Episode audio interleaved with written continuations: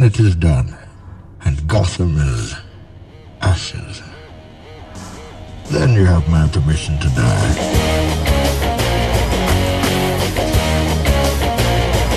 Batman. Forever. The Dark Knight Rises.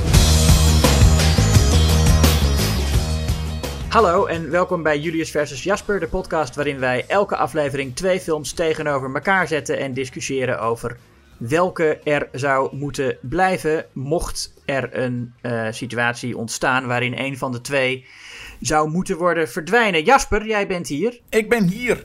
Ik ben hier, ik ben Julius. Ja, en die situatie die is ontstaan. Oh, is die ontstaan? Er is een situatie ontstaan waarbij we weer moeten kiezen. Oh shit. Ja. Ik wist niet, ik, ik dacht dat het altijd gewoon een hypothese was voor de podcast, maar het is nu echt begrijp Het is nu echt, ja.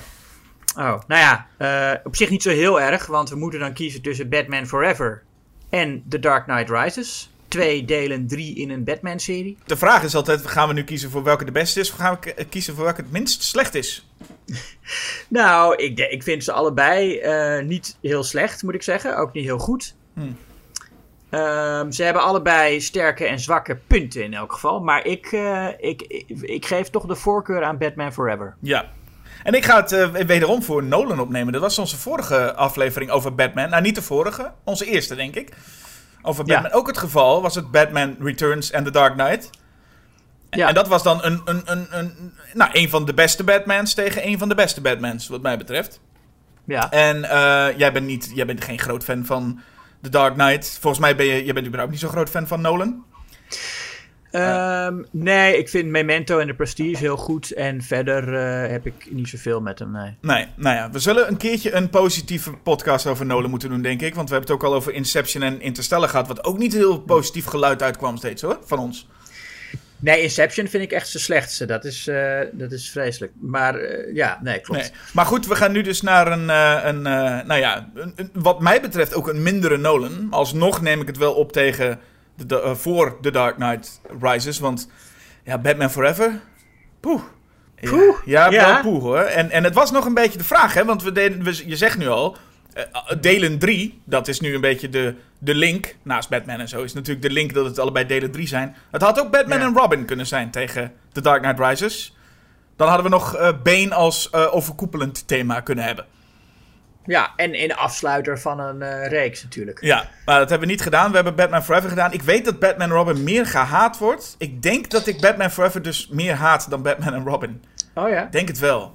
Ja, maar goed. Het, het zijn in ieder geval twee films die eh, beide niet zo gewaardeerd worden als hun voorganger. Dat mogen we wel stellen. Dat mogen we zeker stellen, ja. Nou is de voorganger van Batman Forever... eh, is natuurlijk eh, eh, Batman Returns. Wat ik nog steeds de beste serieuze Batman film vind. Ehm, en die film heeft het ook destijds best wel goed gedaan. Alleen, ja, die Batman films werden natuurlijk ook grotendeels gemaakt om merchandise te verkopen. En kinderen willen niet graag spelen met een poppetje van Danny DeVito als de penguin dat bij je Happy Meal komt. Snap jij dat nou? Dus eh, werd Burton eh, eh, verzocht weg te gaan. En werd Schumacher aangetrokken. En het is ook, het is ook echt letterlijk zo dat McDonald's het, het, het, het, het script heeft gelezen. Dus eh, Ronald McDonald heeft mogen zitten daar en dat script. eh, nee, ik weet niet wie het was. Maar de, de, de, bazen van McDonald's hebben, hebben dat script moeten lezen en moeten goedkeuren. Ehm, wat eh, ja, ergens een behoorlijk treurige gedachte is. Maar ja, dat is nou eenmaal wel hoe, hoe die blockbusters soms gemaakt worden. Die worden in de eerste plaats gemaakt om veel speelgoed te verkopen. Ik heb nog wel begrepen dat Batman Forever, omdat we, we denken dan dat daar dus de, de, alle bedrijven weer bovenop sprongen met ik wil meedoen. Maar dat dat ook nog wel een lastig iets was. Dat Batman Forever eigenlijk een soort van overgangsfase was met willen jullie allemaal weer meedoen. En dat Batman Robin eigenlijk ingezet werd als en nu kan iedereen is weer aan boord. Ja, en bij Batman en Robin was het ook echt zo, dat, en is ook heel duidelijk in die film te zien, dat mensen gezegd hebben, er moet nog een auto in die eh, eh, lijkt op een speelgoedauto.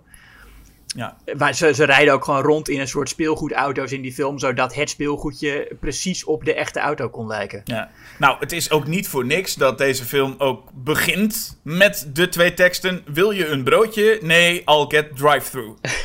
En dan heb je het idee dat de, de, de McDonald's reclame gewoon even in de film gestopt is. Ook meteen aan het begin. Ja. Dus daar mag, geen, Ja. eh, daar mag geen onduidelijkheid over zijn. Dit is een film die eh, ook dingen wil verkopen. Ja, en dat is, nou goed, daar, daar, is Burton met zijn eerste Batman wel eh, een beetje mee begonnen. Hè? Met, met het idee van dat, dat soort blockbuster. Batman was natuurlijk, eh, nou om even die geschiedenis nog te herhalen. ehm, op het moment dat aangekondigd werd dat Tim Burton die Batman-film ging maken, waren veel Batman-fans daar helemaal niet blij mee. Want ja, eh, zij kenden Batman inmiddels als een duister eh, eh, personage, zoals Frank Miller hem had geschreven in, in, in Dark Knight Returns en in Year One.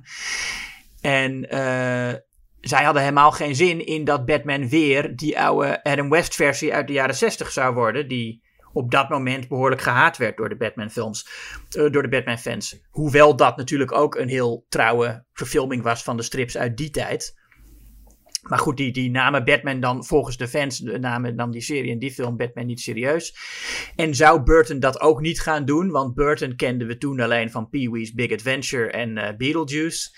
En Michael Keaton als Batman was al helemaal eh, verschrikkelijk, want dat was een komiek.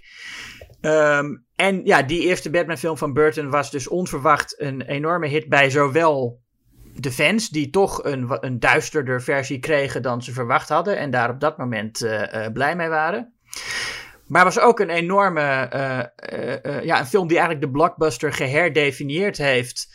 En een beetje het startschot was waar we nu nog steeds de gevolgen van merken. Ik denk dat het, het, het hele Marvel Cinematic Universe misschien wel nooit had bestaan zonder Batman. Nee, die film was destijds was overal. Ja, en daar werd er enorm veel merchandise mee verkocht. En ja, dat is wat, wat Schumacher ook moest gaan doen. Desalniettemin is hij er met Batman Forever ook in geslaagd echt een auteursfilm te maken. Je ziet echt dat het een Schumacher film is. Ja, en dat terwijl toch even, we hebben het over Burton gehad, hoeven we niet lang meer over te hebben. Maar de film begint wel met de naam Tim Burton. Een Tim Burton production staat er. Ja, Waarom? Nou, volgens mij kreeg Tim Burton vooral betaald om niet mee te doen. Burton, je moet, we willen je er niet meer bij hebben. Nee, want ik had het idee dat Burton wel bezig was, of in ieder geval wel ideeën had met, over een derde film. Maar hij werd gewoon eigenlijk ge- gevraagd van, nou ja, eh, nee, doe jij maar niet meer mee, maar je krijgt nog wel geld van ons. Ja, hij had zelf nog helemaal bedacht wat Two-Face zou zijn. En, en dat, en dat Two-Face natuurlijk gespeeld zou worden door eh, Lando Calrissian, die, eh, eh, in, die Harvey Dent speelt in de eerste twee Batman-films. Ja, dat is sowieso bijzonder aan deze film. Er zijn twee donkere acteurs die gecast zijn en beide betaald hebben gekregen, maar niet in de film zitten. Want Billy D. Williams kreeg inderdaad de rol van Harvey Dent en Marlon Wayans zou Robin zijn. Oh, dat wist ik helemaal niet. Ja, die, stond, die was gecast als, als Robin en kreeg ook gewoon betaald, maar werd uiteindelijk vervangen door Chris O'Donnell. Die controverse had je toen volgens mij dus veel minder. Hè? Nu is het als een, als een wit personage uit een strip in, in, in een film door een zwarte acteur gespeeld wordt. Zijn, zijn sommige fans die worden daar heel boos om. Ik weet niet of er eh, bij Batman Returns mensen waren die boos waren dat, dat Harvey Dent door Billy D. Williams gespeeld werd. Nee, dus- maar, dat, Dat, maar er was eh, ook een, een niet-zeggende rol natuurlijk daar. Ja, maar goed, maar de, de, de stripfans wisten wel wie dat was. Ja, maar werd daar niet op gezet. was volgens mij heel even. Kijk, hier is een personage dat Harvey Dent heet. En nou ja, dat zei, dat zei verder niemand iets. En dat was ook te, had ook te maken Nee. natuurlijk dat eh, eh, Harvey Dent of Two-Face. Natuurlijk voor de echte fans wel, maar die was ook minder bekend natuurlijk. Hè? Want die kwam niet in die eh, Adam West films voor. En series voor. Nee, die was, die werd toen al te duister bevonden voor eh, die serie. En, en op dat moment zat hij trouwens ook nauwelijks in die strips. Nee, waar ik hem dan van ken, ik ken hem van de tekenfilmserie. Ik weet niet welke, er zijn best wel wat. Maar daar weet ik dus, ik kende Two-Face al wel. Maar in die, eh, bij dat oorspronkelijke eh, clubje met Joker en Riddler en zo, daar zat, daar zat Harvey Dent niet tussen. Nee, nee, hij is ook een veel tragischer personage. En, en die hele achtergrond van dat hij Batman heeft gekend en dat het ooit vrienden waren. En dat hele, eh, eh, aan de ene kant is hij nog wel goed, maar hij is ook verbitterd. En, en, en, en dat, nou, dat hele verhaal, die tragiek en die complexiteit. ehm, ja, daar, daar, daar heb je een acteur als Tommy Lee Jones voor nodig om dat eh, goed te spelen natuurlijk. Ja, nee, die, die, die, dat, dat komt heel goed uit de verf in, deze, in deze film, zeg.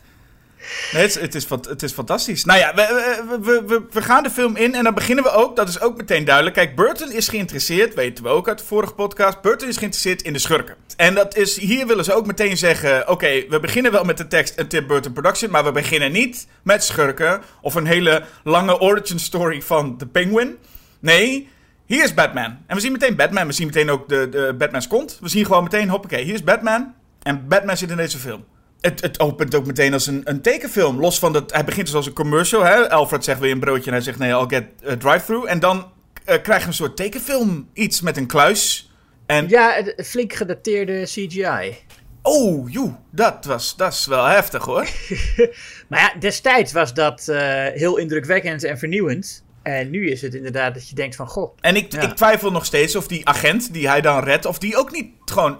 Volgens mij is die ook wel geanimeerd. Want dat kan bijna geen echte persoon zijn. die eh, man die... eh, oh no, Die man it's die- boiling acid. Wie was die zijn ogen uit zijn, zijn hoofd springen zo ongeveer. En hij, ehm, hij hij- je, je ziet hem de hele tijd dingen roepen, maar zijn mond beweegt nooit. Dus, dus daarna heeft iemand nog heel erg dat ingesproken. Dan leent Batman zijn gehoorapparaat. Ik hoor je zo plop, zo'n geluidje als hij zijn gehoorapparaat eruit doet. En dan zegt hij, hey, that's my hearing aid. Nou ja, weet ik veel wat hij allemaal zegt. My Ja. shoes are melting. Nou ja, Ja. en, en ik vind het vooral leuk dat als hij dan, dan, dan Batman haalt zijn gehoorapparaat eruit, is zo plop. En dan zegt hij, hey, dat is mijn gehoorapparaat. En dan zegt Batman heel serieus, thanks. Dat vond ik heel geestig. ik weet niet waarom. ja. Nee, die man, ja, het is gewoon een, een lekkere aansteller, die man. Oh mijn god, het is een aansteller zeg. Maar het is sowieso, dat zit in deze hele film. En dat heb ik laatst ook ondervonden eh, bij de eerste Spider-Man weer. Let gewoon deze film, kijk deze film en let gewoon nooit op iemand anders dan de figuranten. Ja. My god, dit zijn echt mensen, al die mensen zijn zo, zo over de top bezig.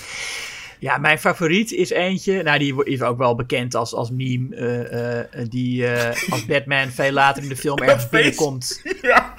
Die gast die dan roept: Batman! Ah! Ja, en dan zou je denken, dat is één gek, maar dat is echt, iedereen reageert zo. Oh, en ik wil, ik wil er nu al naartoe springen, maar we komen daar straks wel op. Laten we even er rustig Ja. er doorheen gaan. Maar rustig, ik zeg rustig, maar dat doet de film dus niet. Want je hebt dus, oké, je hebt dus die agent al. En dan denk je, nou oké, in, in, in zo'n hele film, één zo'n over-de-top agent, prima joh. Dat kan ik wel hebben. Maar dan krijg je inderdaad dus eh, Tommy Lee Jones. Ja. Er is weinig zo beschamends als, als, als Tommy Lee Jones in deze film. Ja, nee, dat ben ik met je eens. Hij is, hij is eh, niet goed gecast hier. Maar hij, ik bedoel, nou, dat weet ik. Hij had, hij had goed kunnen zijn, natuurlijk. Als hij echt dat personage serieus had genomen. En misschien wilde hij dat zelf niet. Of misschien heeft Joel Schumacher hem zo eh, geregisseerd. Maar er is wel een, een, een, eh, een script wat vrij bekend is onder Batman-fans van deze film. Dat een iets duisterder, serieuzer toon heeft. En er zijn ook heel wat scènes eh gedelete. Er zou, nou, zoals je de Snyder Cut hebt, zou je ook eens misschien eh, een, een, een Schumacher Cut moeten kunnen krijgen. Volgens die- mij gaat dat rond. Heb, ik, heb ik dat gezien? Ik heb ergens gezien Ja. dat mensen zeiden: release de Schumacher cut. Ja, nou ja, dat, dat zouden heel veel fans van de duistere Batman waarschijnlijk wel kunnen waarderen. Maar goed, dat, dat gaat dus echt nooit gebeuren. Oh, maar alsjeblieft niet zeg. Als je iets niet nodig hebt, is het nog dit nog langer. My god. Ja. Maar, eh, nee, maar die Tommy Lee Jones, hij, ja, het is wel bekend dat hij dit niet wilde doen. Dat, of dat, het- ja, hij heeft het gedaan, maar dat hij, dat hij er niet heel veel zin in had en dat hij het personage niet serieus nam, dat weten we allemaal wel. En dat, ja, En dat hij net een Oscar had gewonnen. ja. En het is ook wel bekend dat hij, eh, dat heeft Jim Carrey althans verteld, dat hij echt een hekel had aan de stijl acteren van Jim Carrey. Hè? Dat voor de, voor de opnames al, Ja. vond hij Jim Carrey een heel irritante acteur en heeft hij ook tegen hem gezegd. Maar toch probeert hij in deze film Jim Carrey er heel erg te, te upstagen. Ik wou zeggen, dat is, ik bedoel, over hypocriet gesproken. Maar Ja. eh, eh, ik, ik denk dat er maar één iemand meer Jim Carrey is dan Jim Carrey. En dat is Tommy Lee Jones hier. Ja, of hij doet heel erg Jack Nicholson eh, als, als Joker. Ja, daar Zou is natuurlijk ook. dat hij dat gewoon nadoet. Dat zie je natuurlijk sowieso. Dat zie je ook aan Riddler en ook aan Two-Face. Het zijn eigenlijk gewoon Jokers. En wat eh, Tim Burton in ieder geval nog fijn deed aan Penguin... is dat hij van Penguin toch iets anders maakte dan Joker. Maar hier gaan ze toch, keren ze weer terug naar... Nou ja, eigenlijk Jack Nicholson. Zo van, dat was succesvol. Ik vind in Riddler en in Two-Face een... zie ik Nicholson. Nou, Riddler is vooral heel erg gewoon Riddler uit de jaren 60. eh, eh, Frank Gorshin. dat is ook waar Jim Carrey zegt dat hij de inspiratie vandaan heeft gehaald. En dat is ook, als, als je die serie en film gezien hebt, dan is dat heel duidelijk. Nou, volgens mij heeft Jim Carrey, Jim Carrey heeft de inspiratie van zichzelf vandaan gehaald. Ja, nee, tuurlijk. Dit Ja. is 100% Jim Carrey. Kijk, Jim Carrey werd gecast. En Jim Carrey was toen. Kijk, Tommy Lee Jones had net een Oscar gewonnen. Maar Jim Carrey had net zijn grote Jim Carrey jaar gehad. Ik bedoel, als jij in een jaar Ace Ventura, Dumb and Dumber en The Mask eh, maakt. Ja. Ja, dan, ben je, dan zegt iedereen gewoon: Oké, hier is geld, doe jouw ding. En doe niet meer dan dat. Ja, ik geloof dat hij ook een, een Razzie had eh, gekregen voor, best, voor slechtste eh, nieuwko, nieuwe ster of zo. Nou Dus ja, dat was toen al, toen al vonden heel veel mensen waren het eigenlijk al zat. Ja, en, en Tommy Lee Jones was er dus één van. Maar ik vind... Nou goed, je hebt op een gegeven moment dus, dus, dus Tommy Lee Jones en eh, Jim Carrey. Die worden achter elkaar ook geïntroduceerd. En, en ik, ik heb wel... Nou ja, we hadden het vorige, vorige podcast over, over, over eh, My Neighbor Totoro. En dat ik dacht af en toe tegen dat kleine meisje een keer wil zeggen van... Nou, ga even zitten, doe even rustig, hou even je mond. Bij deze film kon ik gewoon echt... Riep ik, riep ik steeds naar het scherm... Alsjeblieft iedereen, hou even je bek dicht. Want het is, er wordt alleen maar geschreeuwd. Ik, eh, ik kan er bij Jim Carrey ehm, soms goed tegen. Ik, er zijn momenten dat ik hem irritant vind. Maar ik vind het, als, als je kijkt naar de rol als geheel, vind ik het toch een goede rol. Ehm, soms irriteert hij me heel erg. Maar nee, ik, ik denk, het is, het, ik vind het een, een, een goed neergezet personage. We want ik denk ook dat het goed is, we moeten ook even kijken naar... eh, laten we eerst kijken naar Two-Face. Daar gaat, Ja. daar gaat veel mis.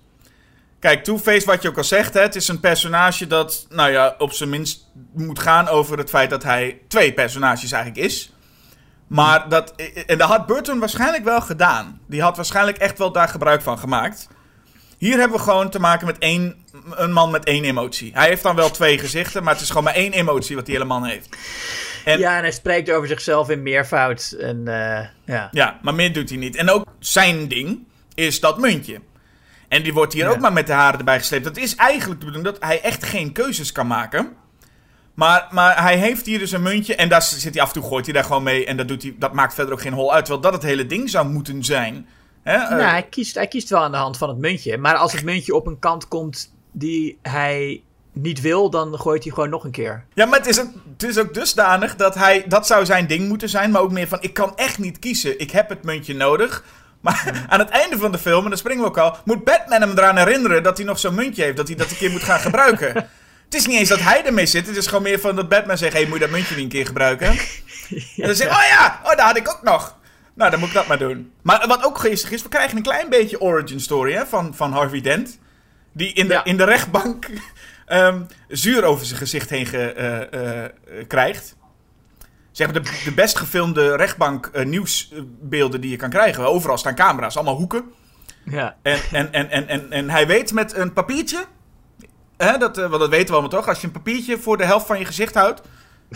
Dan gaat dat zuur. mm, Gaat daar niet, nee, dat gaat er niet doorheen.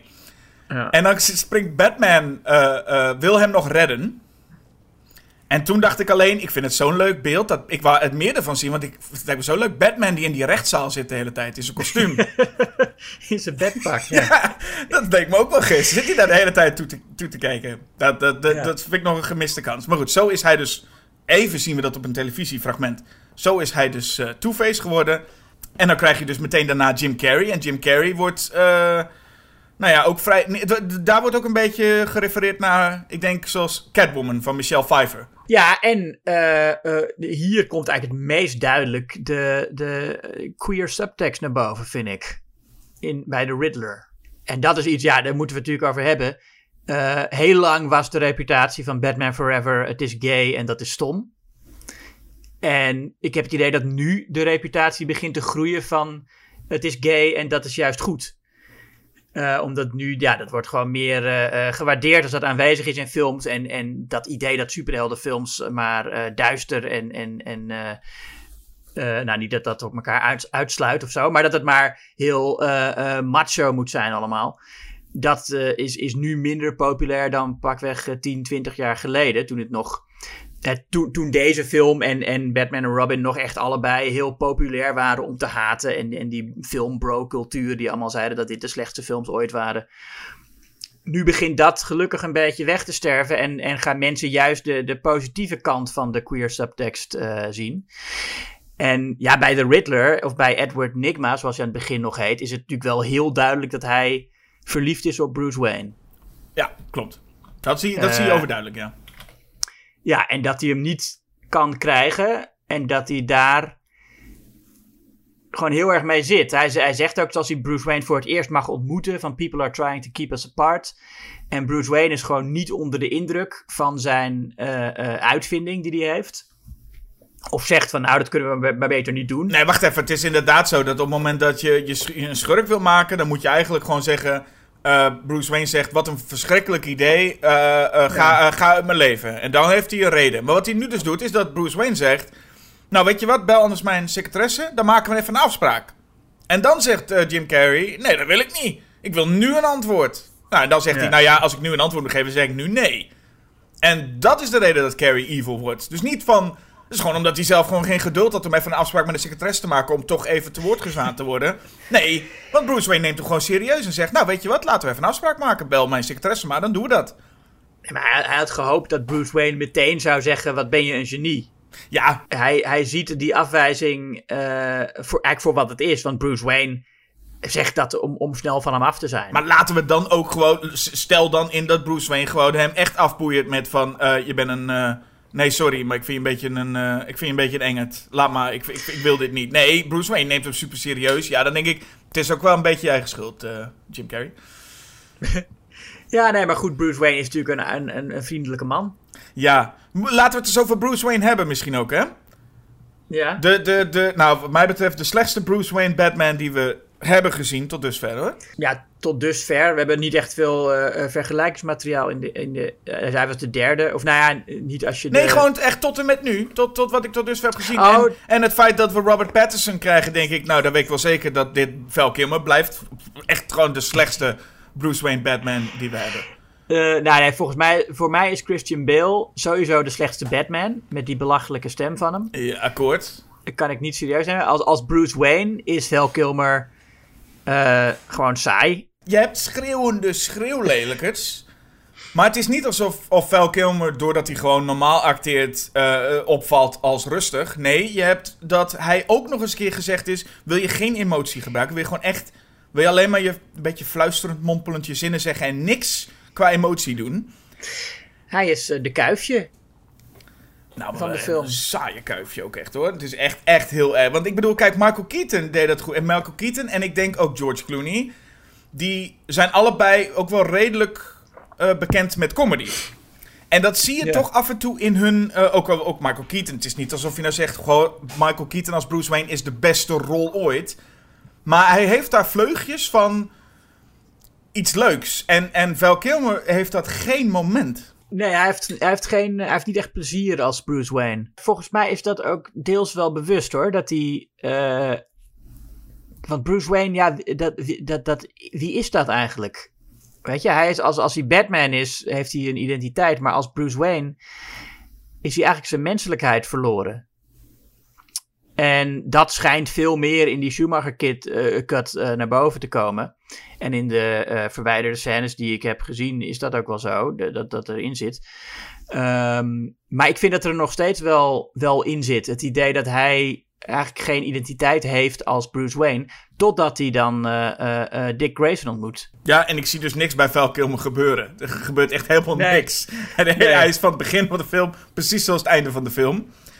Um, en, en dat terwijl dus iedereen om hem heen echt de complete... Nou ja, ik vind... Hoewel Chris O'Donnell is ook een redelijk saai wel hoor. Het is niet een, een, een, een uitgesproken figuur. Maar ik vind alle andere mm. mensen om me heen zijn zo... Zo clownesk dat uh, het ook wel op, het extra opvalt hoe, hoe, hoe saai ze zijn. Ja, nee, Chris O'Donnell is gewoon een beetje jaren negentig uh, hippe tiener natuurlijk, hè? Ja. Of nou, tiener. Hij, hij, is, hij, hij is 30 jaar tiener, oud, maar, gek.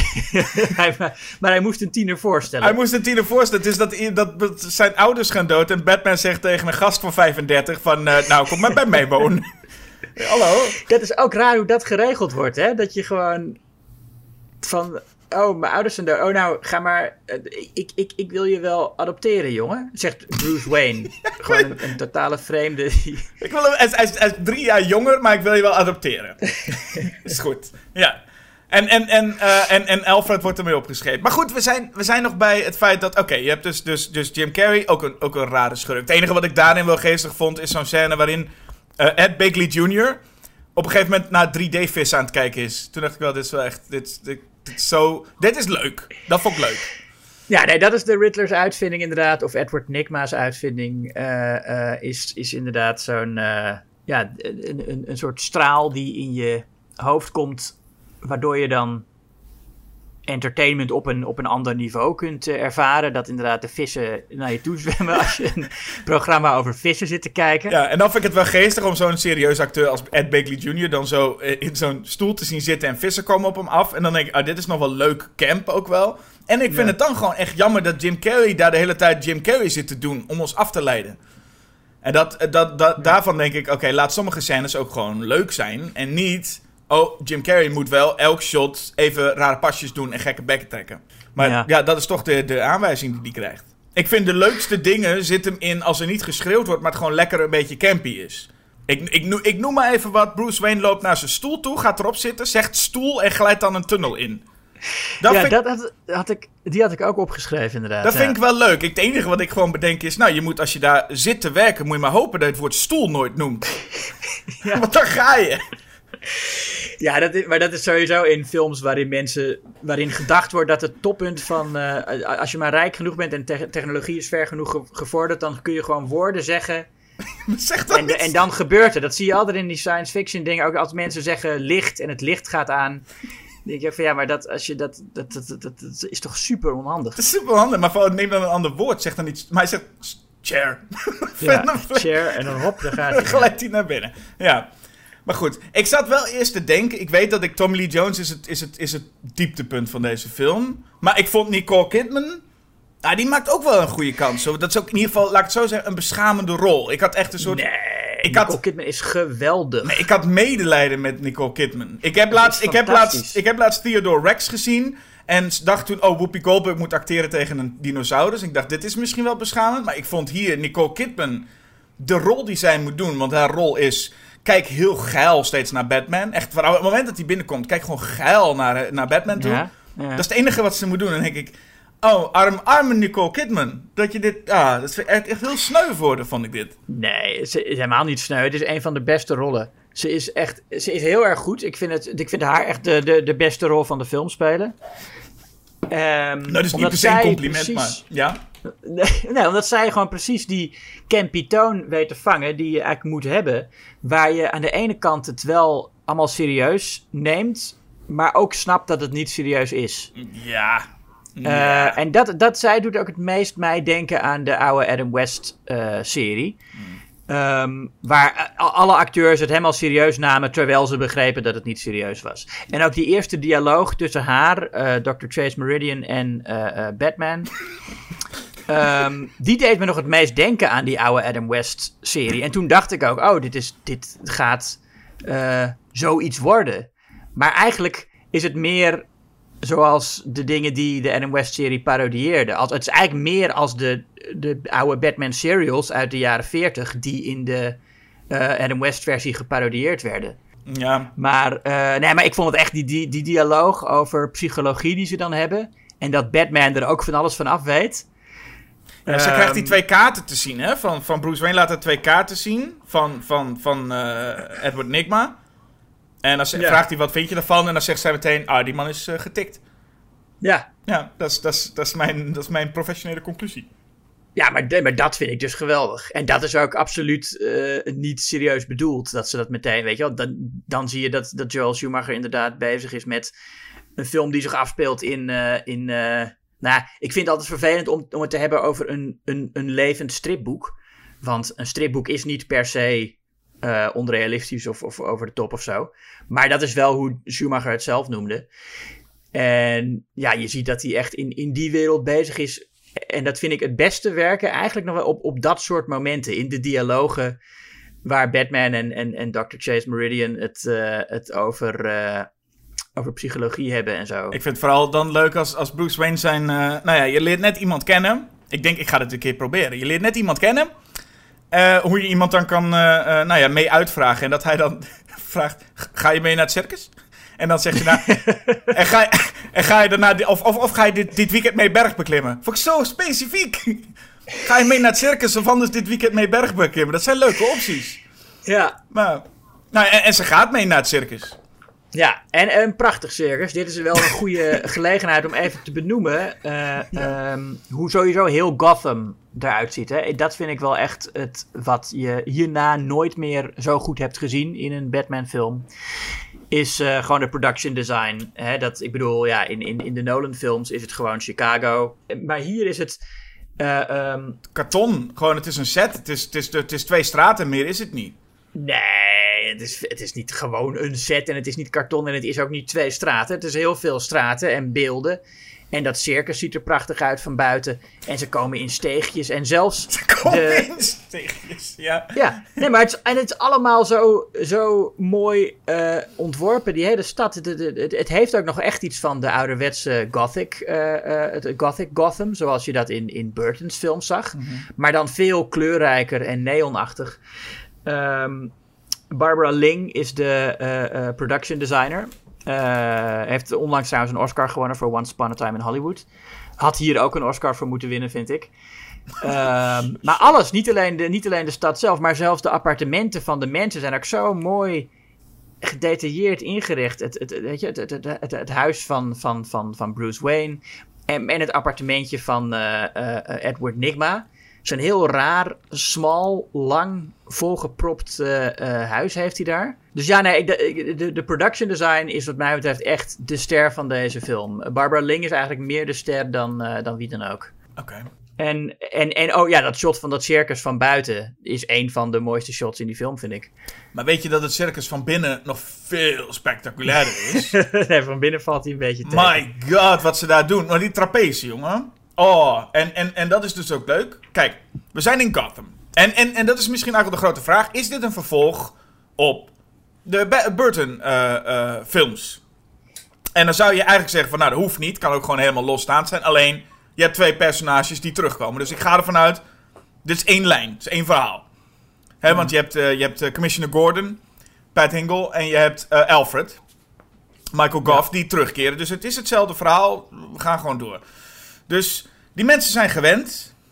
Vooral Commissioner Gordon is natuurlijk gewend aan de meest extreme dingen. Grote ballonnen en, en, en, en enge clowns en die pingwings die allemaal met raketten op hun rug lopen. Dat ben je allemaal gewend als je in Gotham woont. Dan komen er een paar trapezeartiesten. Die slingeren van de ene kant naar de andere kant. En we zien terwijl Bruce Wayne en Nicole Kidman met elkaar aan het praten zijn... Commissioner Gordon op de achtergrond zitten en die heeft de hele tijd zijn bek open met... Oh, wat doen ze toch? En het hele publiek, hè? Maar je hebt, dat- je hebt zo'n audiofragment, die gebruiken ze steeds. Dat is zo'n publiek dat zo... Oh, zo reageert. Ja. En dat wordt non-stop ingezet met... Oh, wat is dit knap. Het enige wat je ziet is iemand op een schommel, zo ongeveer. Nee, ze kunnen wel wat. Ze zijn toch onder de indruk. Ik denk, als je in Gotham woont, ben je dit gewoon gewend, man. Dan ben je gewend dat, dat, dat er elk moment, weet ik veel wat gebeurt. Er is een, een Batman met vliegt, vliegende dingen. En dan zitten ze hier naar een paar mensen in majo's te kijken die heen en weer slingeren. Wat in een normaal circus ook gewoon gebeurt. Maar ze zijn onder de indruk daar. Oh. Je zou willen dat, dat in een Gotham Circus het allemaal nog spectaculairder is dan wat de burgers van Gotham elke dag al te zien Nou, krijgen. in ieder geval niet dat Commissioner, eh, niet, Commissioner Gordon de hele tijd op de achtergrond zijn bek wagenwijd open zit met... Oh, wat is dit? dit? Ik heb nog nooit zoiets gezien. Oh, Maar ja, Gordon is in deze versie ook wel echt een, een dommerikje. Meer nog dan in de Burton-films wordt hier echt ingezet op, op Gordon als een soort nutteloze dwaas. ja. Die eh, ergens, als iemand is vermoord, maar Gordon vindt een, eh, een, een, een, een, briefje waarop staat: Goodbye, cruel world. En hij zegt: Yep, it's a suicide. Ja. hey, meer hoef je er ook niet van te maken, toch? Je hebt gelukkig is, is Batman is gewoon de grote, de, de- onze grote detective. Ja. Eh, die dus inderdaad een, eh, een, een, een, een 35 jaar oude man adopteert. En eh, die, die beste man, ja, die doet ook niet veel in het begin. Hè? Want die, die, die is dus. dat is ook een beetje Adam West, Batman. als die dan met zo'n grote bom. Die moet hij dan zo omhoog tillen. En die moet hij dan zo in het water gooien. Nou, oké. dat is dat, eh, maar dan, ga, dan, dan, gaat zijn, ehm, ja, dan gaat zijn familie dood. En dan wordt hij dus, komt hij dus bij, in Wayne Manor. Nou, daar zien we hem dan een beetje de was op hangen. Met ninja moves. Heerlijke scène is dat. Waar hij, eh, die, waar, hij, waar hij de was op gaat hangen. Dat, vind, dat is ook zo lekker jaren negentig. Toen dat nog indrukwekkend moest zijn. Dat is toch cool dat hij dat zo doet. Ja. Oh. En Alfred kijkt maar toe. En dan is het ook nog weer dat hij komt dan in de Batcave terecht. Want je zit je ook maar af te vragen wanneer, wanneer gaat er iets gebeuren. En ehm, de, de, hij komt in de, in de bedgrot. Daar per ongeluk of zo, geloof ik. Dat hij, daar, dat hij daar in één keer op een of andere manier in belandt. Ja. En dan gaat het alarm ook af, hè. Dan hoor je ook indringer, indringer. Dat is wat het alarm doet. En terwijl dat gebeurt, gaat de Batmobile omhoog. Ik denk, ik weet niet wie dat ingesteld heeft. Met als er een alarm afgaat met indringer, indringer, dat je dan de Batmobile gaat revealen. Lijkt mij een, een, een slechte combinatie van dingen. En dan staat Alfred ook toe te kijken en met, oeh, oeps. is ook leuk, dat is als je Batman en Robin in gedachten neemt ook. Elf, elke, elke, elke lul die daar binnenkomt, zegt Alfred, nou weet je wat? Nu je hier toch bent, ik maak wel een pak voor je. Nee, maar wacht even. Hij komt helemaal niet per ongeluk daar terecht. Hij is heel bewust op zoek. Hij heeft Alfred al gevraagd wat er achter die deur is. Ja. En, hij, en, da- en, da- en dan ziet hij hem naar binnen gaan. En dan gaat hij heel expres, eh, eh, rolt hij daar naar binnen. Ja. En ehm, Alfred, die heeft al gezien wat voor iemand Dick Grayson is. En die denkt van, ja, deze jongen moet ik ook een, een handje helpen om zijn identiteit te vinden. Alfred stond er eigenlijk al klaar van, ah, mooi. Nou, dat niet. Maar goed, hij ziet van, hij wil het zo graag allemaal weten en zo. En het zou, en het zou Bruce ook wel helpen als hij met deze jongen gaat. Want dat is natuurlijk ook, dat, dat is ja, de, de Batman en Robin eh, gay subtekst is ook al lang eh, eh, bekend. En werden destijds ook al veel grappen over gemaakt. En was ook een van de redenen dat Batman in de jaren 60 heel controversieel was. Ehm, er waren allerlei eh, psychologen, ik, ik weet niet meer hoe de bekendste nou ook weer heet, maar die toen voor de, voor de Comics Code heeft gezorgd. Nou, die zei dat het echt een, een homo-fantasie is van twee mannen die samenleven. En het feit dat eh, eh, Robin in, de, in deze versie een stuk ouder is nog dan in de strips, draagt ook wel bij aan dat idee. Dat ze ook echt, ja, als een relatie zouden kunnen hebben. En Alfred, die, het, ik denk dat zijn rol daarin ook wel eh, belangrijk is. Ehm, als een soort. Ja, ook, misschien is hij ook eh, een, soort, een soort oudere homo die de jonge homo moet helpen zichzelf te ontdekken, weet je wel? Ja. Nou ja, eh, Grant Morrison, een van de bekendste Batman-schrijvers. Die heeft ook altijd gezegd van ja, Batman, het, i- het is allemaal heel gay. En eh, eh, eh, Batman is dan wel officieel heteroseksueel in de strips, of heeft althans eh, relaties met vrouwen. Maar het is natuurlijk. Een, een, een- een- ja, het, het- het- hij, hij is iemand, alle vrouwen willen hem als Bruce Wayne, maar hij is alleen maar geïnteresseerd in, in Robin en Alfred. Dat zijn de mensen met wie hij toch het liefste hangt. En als hij een relatie met een vrouw heeft, is dat meestal maar van korte duur. Hè? Dat, eh, dat is even, je had, je had Vicky Vale in de eerste film, nou, die, die was al vrij snel weg. En hier heb je Dr. Chase Meridian, maar die is in de volgende film ook alweer verdwenen. Ja, die vrouwen die in deze films die komen en gaan steeds. Ja, terwijl en de, de diepere relatie heeft hij met de mannen in zijn leven. Ja, en die blijven inderdaad. Nou, Alfred sowieso. En dan in dit geval Robin. En hier is Robin ook voor Batman een soort van... Ze zijn op een gegeven moment ook meer het kibbelende stelletje. Ja, ze zeggen ook partners. Ze zeggen heel vaak, we zijn partners. Ja. Ja, en zo, zo is die dynamiek tussen hen ook. En dat is in Batman Robin wordt dat nog verder uitgewerkt. Natuurlijk het feit dat Batman ook iemand heeft om tegenaan te kibbelen. Van, oh, Ja. jeugd. Oh, die... En nou ja, jeugd. Ik bedoel, die, die vent is... Dus nogmaals, is, is 35. Maar ehm, hij speelt dan ook inderdaad... Dan doet hij eerst die ninja moves. En op een gegeven moment steelt hij ook de auto, hè? En dan Ja. steelt hij de Batmobile en dan gaat hij daar een beetje mee rondrijden. Zo lekker rebels, zoals die jonge jongens kunnen zijn. En, Ja. eh, en dat is inderdaad dan dat Alfred het idee heeft dat dat wel gezond is voor, eh, voor, eh, voor Val Kilmer. Voor Bruce Wayne, om, om iemand aan zijn zijde te hebben. Ja. Want ik denk, ja, alles wat, wat je Kilmer geeft is waarschijnlijk wel goed. Want die man die ziet er zo ongelukkig uit. dat je denkt, dat is... eh, dat, dat, dat, ja, ik snap, ik snap wel dat Alfred zich zorgen maakt, laat ik het zo zeggen. Ja, nee, hij, hij, vindt, hij vindt gewoon een gezonde eh, relatie in Robin. En, en daartegenover heb je dan de Riddler, die geen gezonde relatie kan aangaan. En daarom eh, ook eigenlijk ook Bruce Wayne wil worden. Hè? Je ziet als hij, eh, of hij is verkleed als, als de Riddler in zijn gekke pak. Maar als hij eh, gewoon als Edward Nigma is, dan eh, gaat hij steeds meer op Bruce Wayne lijken. En wil hij echt hem, hem, hem nadoen. Ja, dat is op dat feestje inderdaad ook. Nee, hij is echt aan het, hij is aan het cosplayen als Bruce Wayne. Ja, want er is een, aan de ene kant het team, dus Batman en Robin worden, worden gemaakt. En ondertussen hebben dus Jim Carrey en Tommy Lee Jones elkaar ook gevonden. Wat uiterst vermoeiend is in die scènes dat ze elkaar ook nog eens vinden. Want geen van de twee geeft, eh, geeft de ander toe van, nou ben jij maar even de gek hier. Ja. En, en, en, en ehm, het, het plan is, ja, wat heeft het? Eh, eh, eh, eh, Jim Carrey heeft een soort blender die je op je hoofd moet zetten en aansluiten aan de televisie. En dan kan hij de slimste entiteit van Gotham worden. ja, het wordt heel snel populair trouwens. Hè? De, de, die die, die Enigma-box Ja, die hij introduceert. Hij heeft dat ding en, en je ziet volgens mij niet eens hoe hij het op de markt brengt. Dus Er komt gewoon een nieuwsbericht van iedereen heeft er nu een. Ja, en daar heeft hij dus eigenlijk geld voor nodig. En daarom heeft hij Tommy Lee Jones nodig om, eh, nou ja, samen met hem eh, in een museum diamanten te stelen. Zo kom je aan het, de Ja. financiën, geloof ik dan. Deze film is eigenlijk opgezet als een soort klucht. Want de hele tijd komen van de ene kant slechteriken binnen en dan gaan ze weer weg. En dan komen er weer eh, andere... Volgens mij komt Harvey... Ik weet niet hoe vaak Harvey Dent binnenkomt denderen in, in hem op een scène. Maar elke keer... Er is een feestje aan de gang. Er is een circus. Ik weet niet, maar daar komt Harvey Dent weer. Ja. Dan is er natuurlijk dat einde, en dat vind ik altijd een beetje vervelend, maar dat einde wat we in Spider-Man dan ook gezien hebben. Batman moet kiezen. Ofwel Robin, ofwel Nicole Kidman. Daar moet Ja. hij nu tussen kiezen. En hij kan er maar één redden. En in die scène zie je overigens, dat is de grote eindscène, dan zie je dus dat, dat de Riddler heeft de, is degene die dat allemaal vertelt. Hè? Van Batman, je moet kiezen tussen je geliefde Robin of je geliefde Nicole Kidman. Twee mensen waarvan die Bruce Wayne net een dag kent, allebei.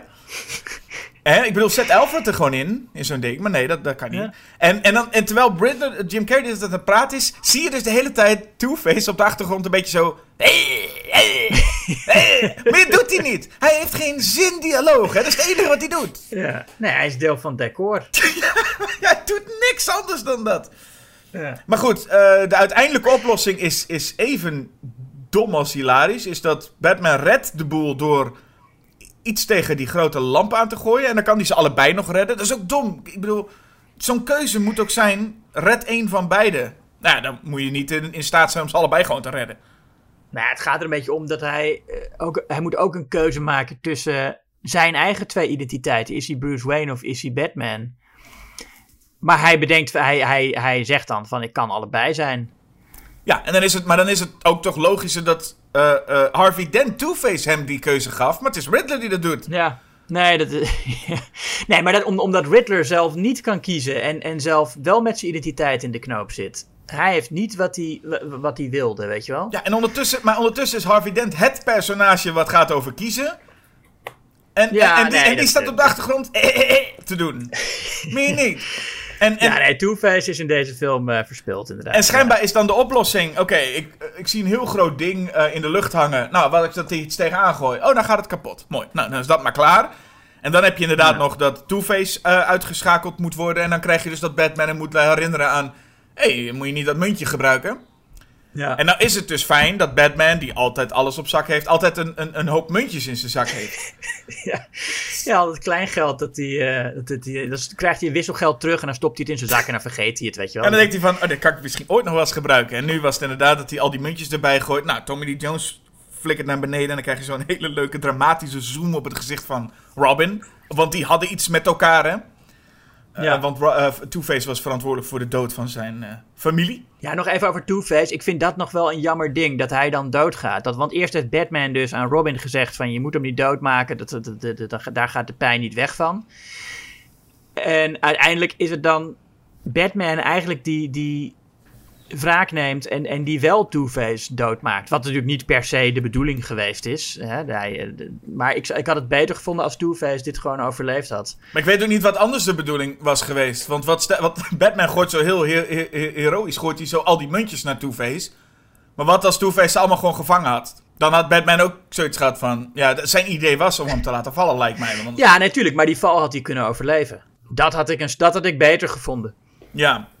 Nou ja, goed, het is in ieder geval Riddler die overleeft. Maar dat is het ook, hè. Dat hij de hele tijd tegen Robin zegt... Nee, je moet niet doden, je moet niet doden. Ja. Eh, eh, en eh, uiteindelijk... ja, is het meest de conclusie, dat mag alleen ik. en dan krijg ik ook het, het, het meisje. Ja. Want Bruce Wayne heeft dan, papt dan met Nicole Kidman aan. Ja, maar eigenlijk is hij nog steeds gewoon met Robin. Ik bedoel, Ja. we snappen natuurlijk dat je in, zeker in de jaren negentig, in, in zo'n film niet expliciet zo homo kunt laten zijn. Maar Nou, en ook om Nicole Kidman iets te geven. Want als jouw rol de hele film lang een beetje geil kijken naar Bruce Wayne en Batman is, dan moet je ook krijgen. Ja, als ze dan ook nog niet eens krijgt wat ze wil, dan heeft ze helemaal niks, Ja. niks gehad. Ze zit, dat was haar enige functie, was zo heel Ja, maar, maar dat is het. Ik heb ook het idee dat, dat dat puur seksueel is. Want ze heeft ook echt duidelijk een, een- rubber fetish, weet je wel. Dat is echt, zit er allemaal heel erg eh, eh, eh, dik bovenop. Ja. Eerst is ze heel erg op, op Batman, van die man in dat, in dat latex pak en zo. Ik denk dat het voor hun echt gewoon puur de geilheid is. En dat Batman met Robin de, de, de gezondere romantische relatie heeft. Ehm, en ja, dat, en dat, dat is eh, behoorlijk bewust. Eh, eh, zeker op het moment dat ook dat Robin zegt: Jij weet niet hoe het is als, als je ouders doodgaan. Of dat je ouders vermoord worden. En dat Batman dan zegt: Ja, dat weet ik wel. En dan zegt hij ook: We're the same. En het is ook zo'n momentje van: Ja, oké, we, zijn, we, we zijn allebei homo. Zou je dan eigenlijk op dat moment kunnen horen. Ja, maar er is, één, er is één homo die zich moet opofferen om toch Nicole Kidman te geven wat ze wil. En wat ik nog het ergste vind is het feit dat ze dan die geilheid aan het uitoefenen zijn en dat ondertussen Alfred zo aan het lachen is. En hij toekijkend is. dat ik de hele tijd die oude man die er zo mee staat te kijken en een beetje zo lacht van, ah, kijk, twee geilneven bekken elkaar af. Hmm. ja, Ja. geeft allemaal niks. Dan nog, ja, de, eh, een, een aantal controversiële dingen. ehm eh, nou, de tepels van Batman. Oh ja, die, hier schijn- al, eh, die schijnen hier er al in te zitten. Ja, die zitten hier al in. Ja, ik heb, ik heb echt geen probleem met eh, de, de, de bednippels. Ik vind dat, eh, ja, waarom niet, weet je? Dat bedpak heeft toch ook een, een, een wasbordje? Nee, maar oh, dat hele, dat hele pak is, on- on- is, is, is nutteloos. Dat die hele cape en dat soort dingen. Dus, dus het is, Ja, nee, het is, allemaal, het is allemaal onzin. En ik vind trouwens ook, en dat wil, ik- wil ik ook altijd even ter sprake brengen. hij is ehm, geen vleermuis. Ja, Ja, hij is geen vleermuis. Ja, nee, want dat zegt, zegt ze ook hierin. Zegt, van, zegt eh, Dr. Chase Meridian, zegt... You, je- you dress up like a rodent. Ja, maar daar, heb, daar hebben we het dus al eerder over gehad. Maar waarom heeft hij dan van die oortjes? Waarom Dat zit... zijn geen vleermuisoortjes. Nee, maar waarom zitten er überhaupt Meridian oortjes op zijn pak? hem- Waarom zitten er Wat? oortjes op zijn pak? Ja, omdat hij denkt dat een vleermuis zulke oortjes heeft. Oh, dus hij denkt... Oké, dus hij is wel bedoeld als vleermuis te verkleden. Hij, Ja, hij, ja, zeker is hij dat. Nee, want dat komt uit zijn angst. Wat ook iets is in deze film. Want hij. Dat is, dat is een scène die eh, eh, na. Die je hier voor het eerst ziet. Die in de strips al heel eh, bekend was. Volgens mij in Year One van Frank Miller. Wordt hij voor het eerst op die manier laten zien. Dat Bruce Wayne als kind al per ongeluk in een grot is gevallen. Wat dan later de Batcave wordt. En dat hij daar een vleermuis heeft ontmoet. En dat hij die vleermuis heel eng vindt. En dat dat uiteindelijk de inspiratie is geweest voor hem om Batman te worden. En, en die scène die heb je natuurlijk ook in Batman Begins. En in Batman v Superman zit ook zoiets. nee, maar dan begrijp ik het maar goed. dit was jij- de jij- eerste film die die scène deed. Dus al die fans die zeggen dat eh, Joel Schumacher niet trouw was aan de strips. Dit was, dit was de eerste film met, met die scène. Akkoord. Maar ik, ik, wil, ik wil even puur zeggen, jij, jij, je hebt dat punt al vaker gemaakt. Batman is niet verkleed als vleermuis. Maar het is dus zo dat Bruce Wayne wel bedoelt... Hij wil wel dat Batman eruit ziet als een Ja. vleermuis. Maar Nee, tuurlijk, Bruce hij Wayne weet gewoon echt zijn, niet ja. hoe een vleermuis eruit ziet.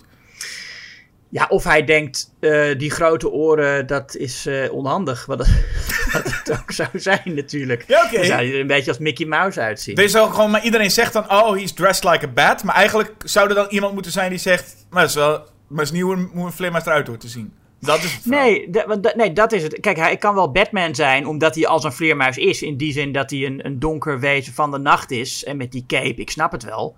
Maar je moet niet zeggen, hij is verkleed als vleermuis. Nou, hij is slecht, en- hij is ik slecht vind ook- verkleed als vleermuis. Dat is het. Nou ja, als, als Chase Meridian zegt dressed like a rodent en Bruce Wayne corrigeert haar, of nee, Batman corrigeert haar en zegt bats aren't rodents. Dan zou zij eigenlijk moeten zeggen, nee, maar, maar muizen wel. En hij lijkt op een muis. Die, die, die, die oortjes, dat zijn muizenoortjes. Ja. En ik vind die, ja, de tepels op het pak inderdaad kan er ook gewoon bij. Eh, Ja, ik moet ook zeggen dat hij. Dat hij, eh, hij en, dat, en dat geldt voor elke Batman trouwens. En dat, het maakt niet uit welke Batman je ook aanwijst. Batman ziet er eigenlijk lachwekkend uit. En, Ja. en, en dat heeft deels natuurlijk te maken met dat eh, de meeste acteurs in die pakken helemaal niet kunnen bewegen. Ze, ze, ze draaien altijd helemaal met hun lichaam, omdat ze überhaupt niet rond kunnen kijken. Ja. En, en ik vind hier zijn er ook een paar momenten. Dus zo'n blik van Batman dat hij uit het vuur komt rennen. Maar ook één keer dat hij in zo'n vliegtuig zit en zo'n duim omhoog geeft. Die, die blikken zijn zo geestig. En, Ja. en dat zit in elke Batman-film. Of je nou een heel serieuze Batman-film hebt.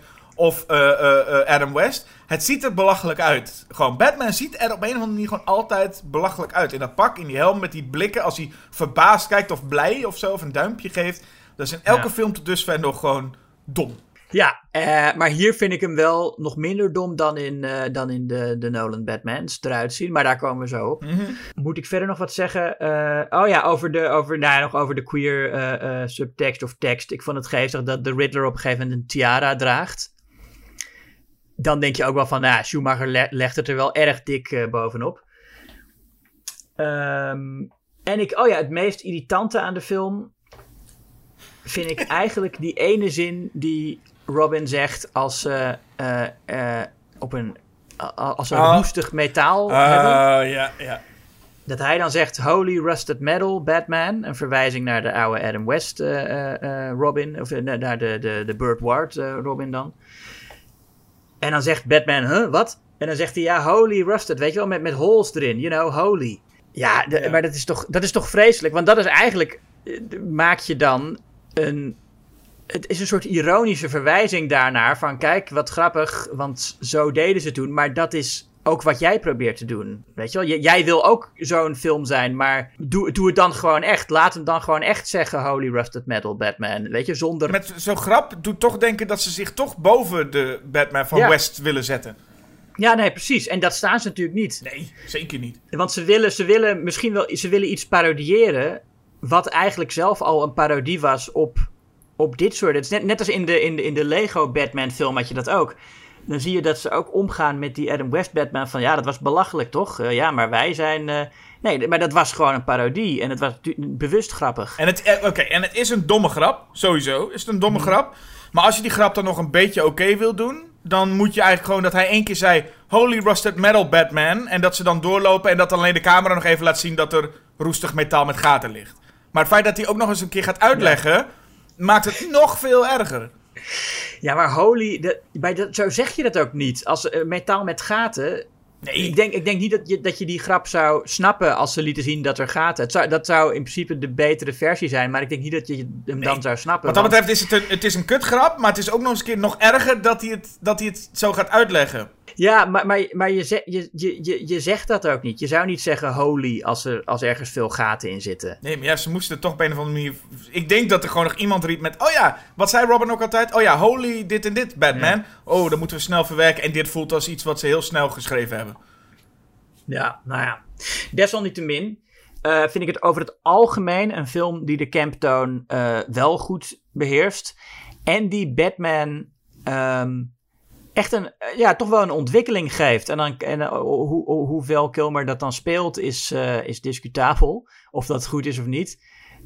Ik ben er nog niet helemaal uit of het nou goed is dat hij zo neutraal en saai is. Of dat dat... eh, ehm, Juist, ik, ik, ik, ik weet het eigenlijk niet. Ik weet het niet wat ik van die rol vind. Maar ik vind wel, het, het is in elk geval de eerste film die Batman een eh, persoonlijke ontwikkeling laat doormaken. En dat hij, dat hij zijn menselijkheid toch weer een beetje terugvindt. En dat gun ik hem ook wel. En het is eenzelfde soort ontwikkeling die hij doormaakt in The Dark Knight Rises. Dat hij accepteert. Nou ja, nee, dat is niet helemaal waar. Want hier accepteert hij dat Batman en Bruce Wayne prima naast elkaar kunnen bestaan. Maar het is niet alsof we nou naar iets veel beters gaan. Overigens, we hebben net een simplistische kleurenkermis gehad. En we gaan nu naar een onnodig ingewikkelde grauwe bende.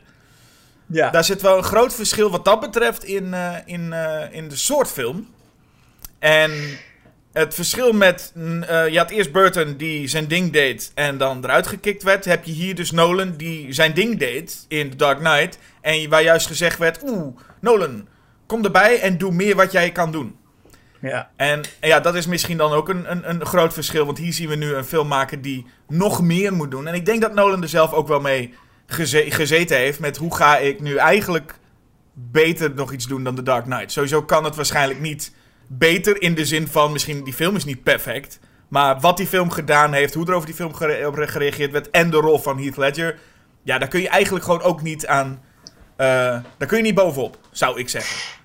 Nee, maar dat is natuurlijk altijd met, met het afronden van een trilogie van het, het, tweede deel is meestal zo goed dat je denkt, wat, wat kunnen we nog met de derde? En dat wordt dan vaak een, een soort slappe afronding. Ja, de film gaat gewoon ook verder waar de, eerste waar, het, waar de Dark Knight eigenlijk ophield.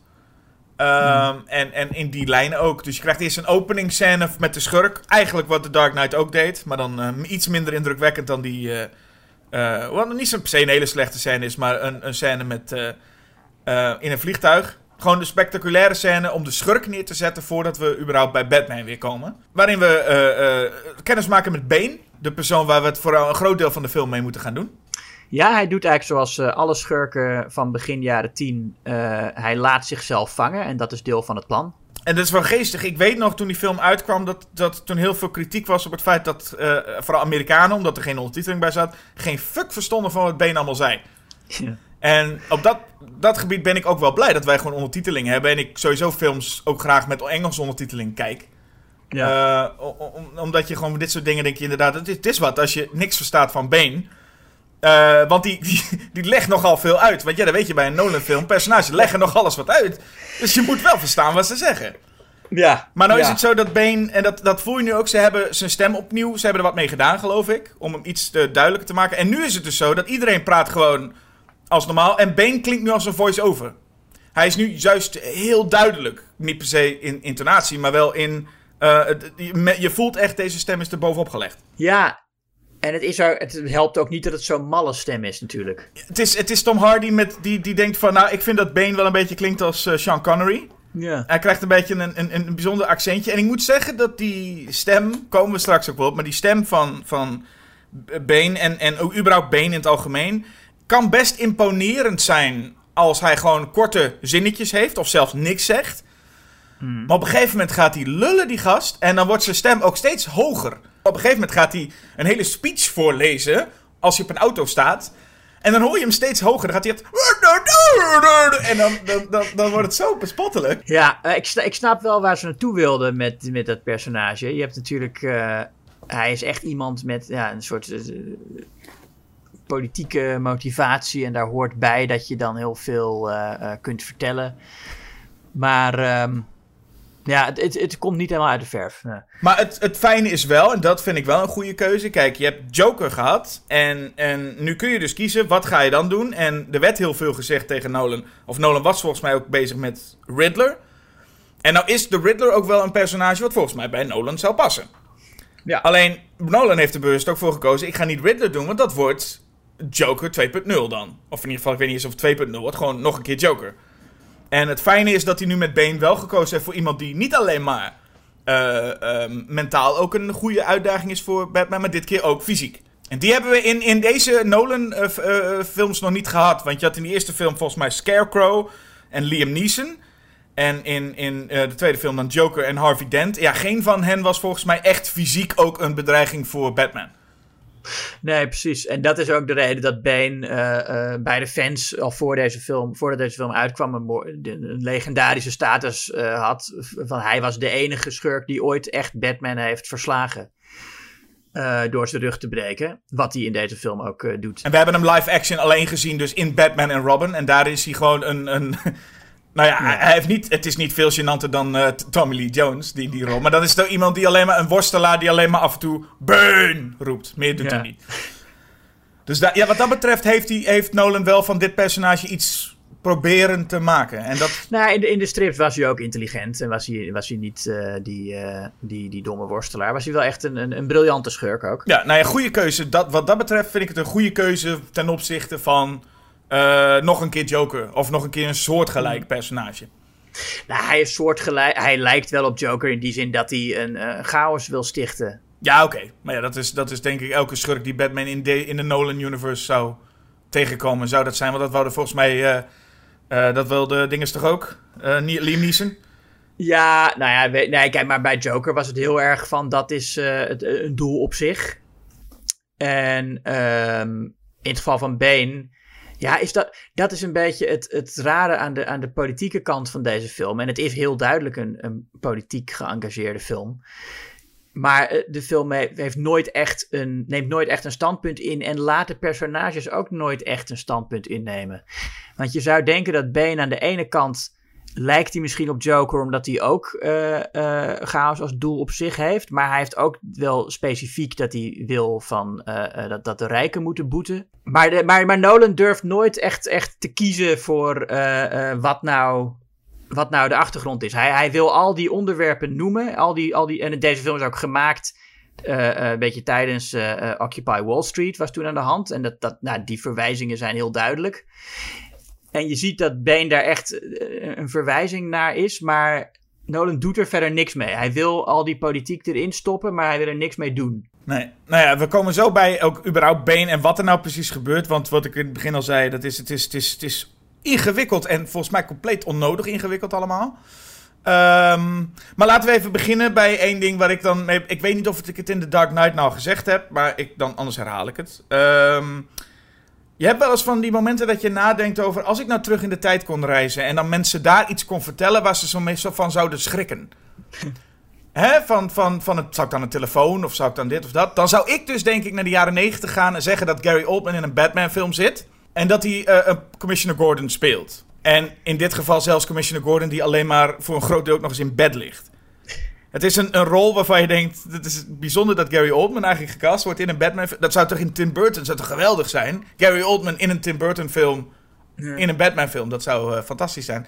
Ja, hier is het een... eh, eh, en, en ik misschien wel de meest zoutloze rol. de- ook van Oldman in, de- in, in de Nolan-trilogie. Want die, hij krijgt niet veel te doen. Ligt veel Nee. op bed. Alleen in het begin heeft hij nog. Hè, dan, dan staat Oldman in een, ehm, staat voor een hele groep mensen op een feestje. En dan zegt Oldman, heeft dan een soort speech voor zich. En dan zegt Oldman: Ik heb hier de waarheid over Harvey Dent. En dan kijkt hij even in het publiek en dan zegt hij. Ja, maar misschien doe ik dat wel een andere keer. En dan steekt hij het in zijn, in zijn zak en dan zegt hij... Harvey Dent, topgozer jongens. Niks meer aan doen. En dan ben je toch, Ja. blij, en dan ben je toch blij dat, dat er geen journalisten in die groep zaten... die dachten, ehm, wat, wat wou je precies vertellen? Ja. Toch, je, kunt je, je moet je voorstellen, persconferentie hier... Mark Rutte staat daar, die zegt... Ik heb hier de waarheid, maar misschien doe ik dat wel een andere keer. Het gaat allemaal goed, jongens. Ik ja, leuk. Ja. Nou, ja, het Harvey Dent is inderdaad- ja, de, de Dent Act heeft eh, Gotham dan een stuk veiliger gemaakt. Ja, En eh, nou, dat is ook weer zo'n politieke verwijzing. De Dent Act lijkt erg op de Patriot Act, eh, die toen in Amerika werd geïntroduceerd. Die erop neerkwam dat, je veel, dat, nou, dat, dat de overheid gewoon veel machtiger werd. Eh, je, je, je kan blijkbaar, eh, eh, de, de politie mag mensen hun telefoons aftappen. En, en mag sowieso veel harder optreden. En de gevangenissen zijn mannen en vrouwen gemengd tegenwoordig. Dus het is allemaal een ja, een behoorlijk eh, eh, conservatieve act. Die er dan in dit universum blijkbaar voor gezorgd heeft dat er minder misdaad is. Wat ik, dat is eigenlijk nog het meest duidelijke politieke standpunt dat de film inneemt. Eh, Van eh, hoe harder je optreedt tegen criminelen, hoe minder misdaad er eh, zal zijn. Maar dat heeft Harvey Dent dan dus gedaan. En daarom is hij dan zogenaamd een held. ja. Batman is al acht jaar geloof ik niet meer te zien. Nee. En Bruce Wayne is ook al acht jaar niet meer te zien. Ja, dit is een soort Howard Hawks-achtige eh, kluizenaar. Of eh, Howard- Hughes-achtige kluizenaar geworden. We komen dan andere personages leren we kennen, waaronder dus... eh, nou, Ben Mendelsohn, dat is misschien wel leuk om te weten, die speelt dus een, een, een, een klootzak in een pak. Oh, dat is ook bijzonder. Ja, dat heb ik nog nooit eerder gezien. Ik denk dus, kijk, er zitten dus allemaal mensen in deze film. En ik weet niet hoe het precies zit, maar in ieder geval Ben Mendelsohn is volgens mij bedoeld als nou ja, de aanstichter, degene die de grote schurk zou moeten zijn. De man die de touwtjes in handen heeft. En dat is puur om dat wij op hem focussen, zodat de aandacht afgeleid wordt van de grote schurk. Zullen we er meteen maar gewoon voor, meteen maar verklappen wie de grote schurk dan is? En dat is deze Miranda Tate die we leren kennen. Ja, de nieuwe CEO van eh, Wayne Enterprises. Ja, eh, gespeeld door Marion eh Cotillard. Ik weet niet hoe je, hoe je haar naam uitspreekt. Cotillard. Cotillard. Ja, die, eh, waar eh, Nolan dus eh, mee werkte in Inception. En mee, ah, het is gewoon zo, als je, als, Nolan, als je met Nolan gewerkt hebt en je, hij vindt je leuk... dan blijf je ook altijd in zijn film zitten of het nou no- nodig is of niet. Nou, in de, alleen in de... Zij, zat, zij zit in Inception en deze. En Anne Hathaway zit in deze en Interstellar. oh, ja, oké. Dus er zijn maar een paar waar die echt zegt van, jij, jij blijft. Ja, nou, Michael Caine is natuurlijk altijd gebleven. Dat is... eh, Kijk, Michael Caine is, is natuurlijk perfect in een film. Want Michael Caine is perfect voor monologen en uitleggen eh, hoe het allemaal zit. Dus Ja. Michael Caine en Christopher Nolan, dat is een huwelijk, dat, eh, dat, daar is niks, daar moet je niks aan doen. ja. Ehm, en we hebben dus, je noemde het net al, Anne Hathaway. Ik, voor mij is Anne Hathaway de, de, de, de- het hoogtepunt van deze film, denk ik wel. Als Ehm, Selina ja, zij, ja, zij is de, ja, zij is de enige die in elk geval een beetje plezier eh, lijkt te hebben in haar rol. Ja, ze doet het leuk, vind ik. Ehm, ja, zeker, zeker.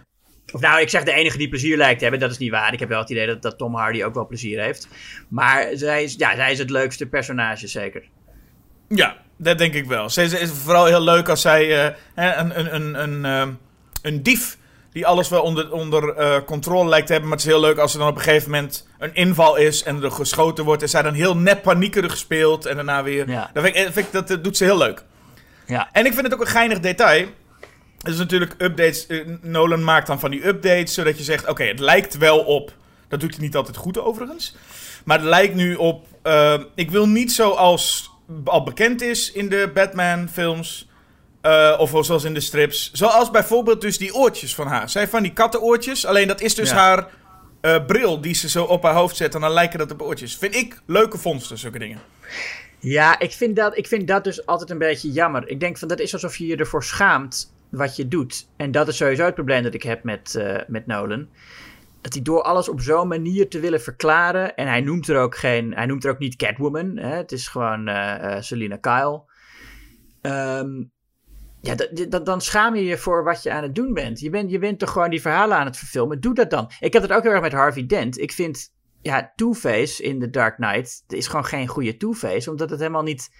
eh, Dat, dat, dat, weet je, dat, dat is dat personage niet. Het is gewoon de man met een ja, verwonding aan zijn gezicht.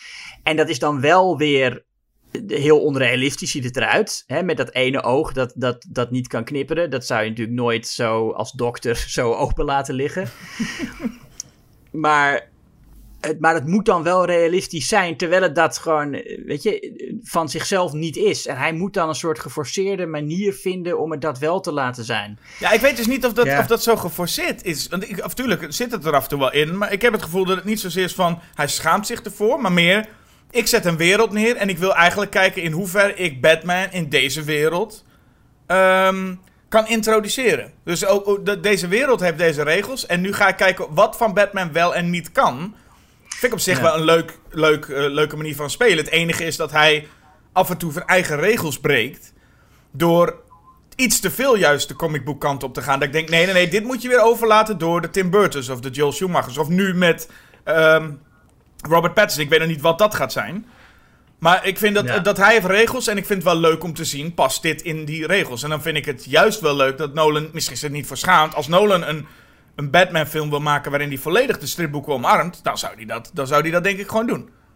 Maar hij wil nu juist gaan Ja, kijken naar alles wat, wat in dat universum zou passen. Wil hij kijken of hij dat kan vertalen. Dus iets wat heel overdreven zou zijn in de Schumacher films. Dat wil hij kijken, kan ik dat ook introduceren, maar dan op een manier dat in mijn wereld past. Ja, maar, maar, dat, maar dat, dat past dus volgens mij niet. Want Batman als concept is gewoon al heel belachelijk. En, en het, het zou gewoon niet zo, het, het zou niet zo werken, weet je. Het is niet zo dat je dat als één man eh, het opneemt tegen de misdaad in zo'n gek pak... Dat, dat hij dan gevreesder zou zijn dan de hele politiemacht. Dat, dat, dat, dat, Nee, er zit, dat- er zit ook een randje waar hij. En er zitten hier ook keuzes in. De, in- er worden in deze film keuzes gemaakt dat je denkt: dit slaat helemaal nergens op. En dat ga je ook meer krijgen bij deze film dan bij een film van Schumacher. Daarmee ga je minder kijken met: hé, hey, zo zou men nooit doen. Dat krijg je bij deze film wel. Dat, ligt, dat komt een beetje door de wereld die hij neerzet. Maar het feit dat hij dan denkt: oké, er is een, een Batman. Kijk, in een normale film. Eh, of in, in, in, eh, in, in, in de Batman van Tim Burton valt de Joker in een vat. En als je eruit komt, dan heb je een lach op je gezicht. En nou, dat is ongeveer hoe het kan. Dat is in Burton's wereld zo. En ja, Nolan zegt, ik wil ook de Joker. Maar ik wil nu de Joker in deze wereld. Nou, dan moet je dus niet met zo'n vat met, met, met, met eh, chemicaliën beginnen. Nee, dan moet je het op een andere manier doen. En die, dat doet Nolan niet altijd goed. Maar ik vind het idee van, we introduceren nu een hele andere wereld. Kijken of dit ook allemaal daarin zou passen. Vind ik juist wel leuk. Ja, nee, het idee is goed, maar dan zou je eerder de kant op moeten gaan van, nou, van, van bijvoorbeeld Watchmen van Alan Moore, wat niet 100% een realistische wereld is, maar dan is Batman inderdaad een soort Rorschach. Gewoon echt een, een, een zielig, eenzaam figuur die, die he- helemaal niet eh, eh, eh, zorgt dat er minder misdaad komt of zo. Of, of je kan een beetje zoals Super van, ehm, eh, eh, met, met, met, eh, met Rainn Wilson van... James Gunn? Ja, van, ja van, ik, ik was zijn naam kwijt. Nou ja, dat, hè, dat, is, ook, dat is ook iemand die, die, die Batman wil zijn en die dan gewoon me- me- mensen dood gaat slaan met een hamer. Ja. Ehm, dat, en, en nou is het verschil natuurlijk, Batman is miljardair, dus kan hij veel meer betalen. Maar ja, in werkelijkheid zou dat ook niet betekenen dat je alleen daarom... eh, eh, Wat je wel zou doen, en dat is iets wat, wat Nolan wel ter sprake brengt in deze film. Dat Alfred op een gegeven moment tegen Bruce Wayne zegt: van als Bruce Wayne zou je veel meer kunnen betekenen dan als Batman. Je kan wel eh, met, geweld proberen de misdaad terug te brengen, maar als je echt het structurele probleem wil oplossen, ja, dan hebben we veel meer aan jouw kennis en jouw geld vooral. Eh, en, dan moet, en dan moet je daarop komen. En dat was voor mij wel een, een, eh, eh, een mooi einde geweest. En van zo maak je Batman inderdaad realistisch. Maar ja, daar doet Nolan dan weer niks mee. Dat is een gedachte die hij even opgooit. Net zoals dat Catwoman op een gegeven moment tegen hem zegt van... Nou, er, er, moet, er moet een storm komen en, en dan gaan alle rijken zullen zich afvragen... hoe ze ooit zo hebben kunnen leven en, en, en, en zo weinig achterlaten voor de rest van ons. Nou ja, dat is tegenwoordig natuurlijk ook nu volgens mij het veel populairder wordt om, om eh, eh, in te zien dat miljardairs over het algemeen mensen zijn die veel meer zouden kunnen doen om problemen op de wereld op te lossen dan ze doen. Ehm, is dat een heel populaire eh, gedachte. En ja, dat, dat zegt Catwoman hier ook even. Maar als het dan uiteindelijk gebeurt, hè, als, als die revolutie dan plaatsvindt, dan staat Catwoman heel even in een, in een kamer van een leeggeroofd huis. En dan kijkt ze naar een foto en zegt ze: Oh, er woonden hier mensen. En dan heeft ze meteen alweer spijt van dat ze die revolutie wilde. Dus het is, eh, Nolan eh, gooit allemaal politieke balletjes op, maar hij vangt ze niet. Nee, ik denk dat dat ook een van de moeilijke dingen is. Wat hij eigenlijk zichzelf aangedaan heeft in deze. Eh, is, is dat hij dus dingen eigenlijk nu. Hij, hij moet veel meer op een lijn balanceren dan in principe een, een, een Tim Burton of een, of een Joel Schumacher. Omdat die. ehm, nou ja, de bepaalde dingen accepteren. En hij zegt: nee, ik wil dat het. Nou ja, ik vind sowieso het stom als mensen zeggen van. Dit is echt een realistische Batman-film zoals dat het echt zo kan. Dat is natuurlijk helemaal niet zo. Het is alleen een Ja. veel. eh, een wereld die veel dichter bij die van ons ligt dan een Gotham uit, uit die van Tim Burton. Dus dat, en dat vind ik een, een leuk idee. En alleen daardoor ga je wel extra met een, een vergrootglas kijken. Of in ieder geval vallen de dingen veel meer op. Wat er bij Nolan gebeurt. Kijk, hier is er op een gegeven moment een, een, een, een iets in het riool. En dat is een van de domste dingen uit deze film. Alle politieagenten gaan daar het riool in. En dat is heel dom. En als dat in Joel Schumacher's film gebeurd was, zou, dan zou je denken: ja, logisch. Ik bedoel, ja, dat, gebeurt, Ja. dat, dat gebeurt gewoon. Alleen hier, We're omdat. trapped in the sewer! Zouden ze dan roepen. Ja, nee, maar dat, en, en nu denk ik, oh ja, maar nu, en dat is dus gewoon wat je dan Nolan aan kan rekenen, is gewoon nee, doordat jij zo'n film neerzet, heb ik meer moeite met dat al die politieagenten in die grot zitten. Dus nu, Ja, nu is het precies. gewoon heel dom. Ja. Maar ik vind het niet erg als het, en als het in, in Batman van Adam West zou gebeuren, zou je alleen maar denken, ja, is logisch, helemaal logisch, dat is gewoon prima. Dus Ja, de- zo zit daar een, een, een, een verschil in. Dus ik, ik waardeer de aanpak, die ik in Dark Knight ook wel redelijk goed uitgepakt vond. Alleen nu gaat hij iets verder met zijn hè, Dark Knight Rise. Dus het moet iets groter allemaal, het moet iets spectaculairder. Ja, dan ga je toch, loop je dan toch tegen een paar problemen aan. Ik denk ook dat The Dark Knight beter was. Ik heb niet zoveel met Batman Begins. Dat The Dark Knight beter was als gewoon eenmalig zo'n experiment. Wat ik ook een klein beetje hoop dat The Batman van Matt Reeves is straks. Gewoon één keer Batman in een hele andere setting. Want we hebben nu al verschillende dingen gezien. En dan ben ik wel benieuwd hoe dat zou zijn. Klaar. Ja. ja, ik heb wel goede hoop hoor voor Matt Reeves. Die, eh, ik, ik ben erg fan van zijn Planet of the Apes films. Ja, ik heb ook wel hoop Eh, inderdaad, ja. En ik ben fan van Robert Pattinson natuurlijk. Dus ja, nee, zeker. Ik, ik denk dat die Batman wel wat, eh, wat kan worden. Ja, en dan hoop ik Ehm. gewoon dat ze daar ook gewoon echt een wereld neerzetten van... Dit is onze wereld. Of dit is eh, Ja. zo'n soort wereld. En dat ze gewoon zeggen, dit is het. En dat daar alles logisch wordt. Of dat het in die wereld allemaal kan. Ja. En waar, Bat- waar, waar Nolan nu problemen heeft, bijvoorbeeld hij probeert personages meer diepte te geven. Nou, er zit echt een groot verschil tussen Michael Goff als, als Alfred en Michael Caine als Alfred. ja. Er zit best wel veel verschil in. Kane krijgt hier ook echt wat te doen. En ik vind zelfs dat een van de, de, de stukjes waarin Kane, eh, Michael Caine met, Batman, met, met Bruce Wayne dan praat, vind ik on- oprecht heel goed. Die, die onderontjes tussen Kane en Bale, die zijn, die zijn best wel goed. Ja, en, en, ja, en, en Kane ja, doet, doet wat, wat, wat Kane kan natuurlijk. Ik moet dan de hele tijd wel aan de trip denken. Daar eh, kom ik niet meer vanaf. De trick? Ja, met Steve Coogan en Rob Brydon. Nee, zeg me zo niks. oh, maar is dat iets oh, ze het eh, belachelijk maken? Neem ik aan? Ja, er zijn, er is een serie films, The Trip. En in de eerste doen ze eh, eh, allebei een. eh, ze, het zijn allebei goede imitators, Coogan en Brydon. En ze spelen in die film een versie van zichzelf. En in de eerste film zit een dialoog waarin ze allebei een soort wedstrijd hebben wie de beste Michael Caine doet. Nou ja. En dat, dat is heel, die is heel grappig. En, maar in een latere van de trip zit ook een scène waarin ze het over de Dark Knight Rises hebben. En waarin op een gegeven moment een van de twee zegt... I, I, I will not bury you, Batman. I, I, I will not bury another Batman. in, in, plaats van ano- in plaats van another member of this family of Ja, zo. precies. Barry another I will Batman. not bury another Batman. En ik, ik, ik heb steeds het idee dat, dat Michael Caine Da- dat, dat ook hij dat gaat zeggen. ja, oké, dat snap ik inderdaad. Terwijl dat, maar dat die, die dialoog, ik heb dan niet eh, de trip in mijn, in mijn hoofd, maar die dialoog is best sterk. Ik vind, en Michael Caine doet hier ook nog moeite, zou ik zeggen. Ja. Het is niet dat Michael Caine en Bruce Willis is gewoon dat hij helemaal geen moeite meer doet, maar ik, ik heb Tenet steeds in mijn hoofd, waarbij Michael Caine even is komen opdaven. Gewoon ook gewoon Michael Caine heet in die film. En dan zegt Ja, van... Sir, ah, Sir Michael heet hij. Ja. ja, en dan gewoon zegt, nou, dit, dit is aan de hand, dit is aan de hand, dit is aan de hand, dit is aan de hand. Nou, mag ik mijn check? Ja, ik ga er vandoor. Joe, doei. En dat... Ja, nee, dat is, dat, is, dat is bijna een parodie volgens mij. Maar in Tenet is het misschien ook wel bewust, net zoals de hoofdpersoon in die film de protagonist genoemd wordt. ja.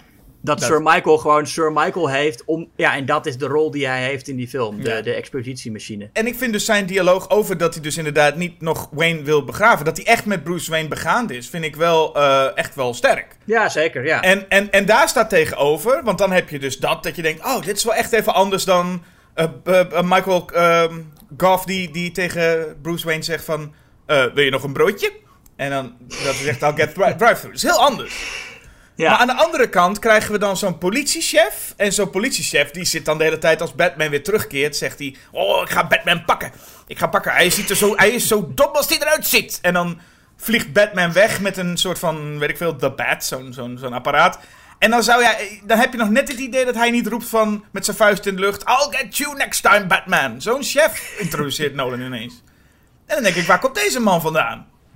Nou ja, maar dat is toch niet een heel karikaturaal figuur, die chef? Nee, het is niet, nou zeker niet. In, in, in Batman Forever zou het de meest subtiele rol zijn eh, daarin. Maar nu dus door Nolan valt hij wel op. Dat je denkt, oh ja, alles tussen Michael Caine en Christian, Christian Bale, dat werkt. En dan gaat zo'n vent ineens opvallen, terwijl het helemaal niet zo heel heftig is. Maar ineens voel ik, zie ik daar ineens een, zo'n stripfiguurtje tussen lopen. Ja, nou, wat betreft psychologische diepgang, ik vind het... eh, ja, de, de- ik bedoel, het is wel duidelijk dat deze film eigenlijk voor een groot deel een, een drama is. Hè. Batman zit eigenlijk... eh, nou, het duurt een paar uur voordat hij voor het eerst eh, komt.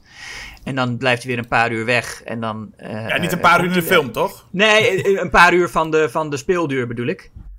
Want hij duurt, hij duurt 8, 9 uur. Hoe lang duurt hij? Nou ja, de- maar het duurt best wel lang voordat Batman voor het eerst eh, als Batman dan verschijnt. En dan blijft hij ook daarna weer een hele poos weg. ja. Ehm, en in die tijd zijn we gefocust op ja, Bruce Wayne en zijn eh, eh, trauma's en zijn psychologische ontwikkeling. Maar ja, ik vind dat dat eigenlijk in Batman Forever nog wel i- interessanter uitgevoerd wordt eigenlijk. Het is weliswaar minder realistisch en, en Val Kilmer is geen Christian Bale. Maar de ideeën zijn volgens mij hetzelfde van dat conflict tussen Bruce Wayne en Batman en hoe die daaruit moet komen. En nou, in het geval van Batman Forever is de conclusie dan: ik kan zowel Bruce Wayne als Batman zijn, zolang ik maar eh, Robin aan mijn zijde heb, eh, is het allemaal wel goed en gaan we met elkaar. En hier moet hij ja, afscheid nemen van, eh, van Batman. Ja, ik vroeg me gewoon even af, miste jij ook niet eigenlijk toch een scène van Joseph Gordon-Levitt die als een ninja zijn was ophangt?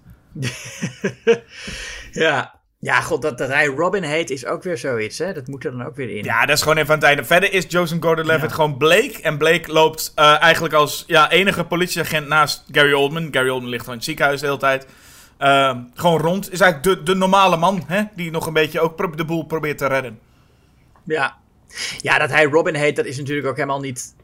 Dat slaat. dat- Ja, dat is een verwijzing, maar het is niet eh, de bedoeling dat hij dan ook Robin is. Want hij, Robin heet eh, eh, Dick Grayson en niet, en niet Robin. Robin is een, is een, is een, eh, is, is een, een superheldennaam. We springen naar het einde van de film, maar in principe wordt daar eigenlijk zelfs misschien gehint naar dat hij gewoon een nieuwe Batman is. Want er is geen Batman Ja. meer, dus waarom zou je dan... Dan, dan heb je de hele Nee, tijd precies. alleen maar en Robin lopen.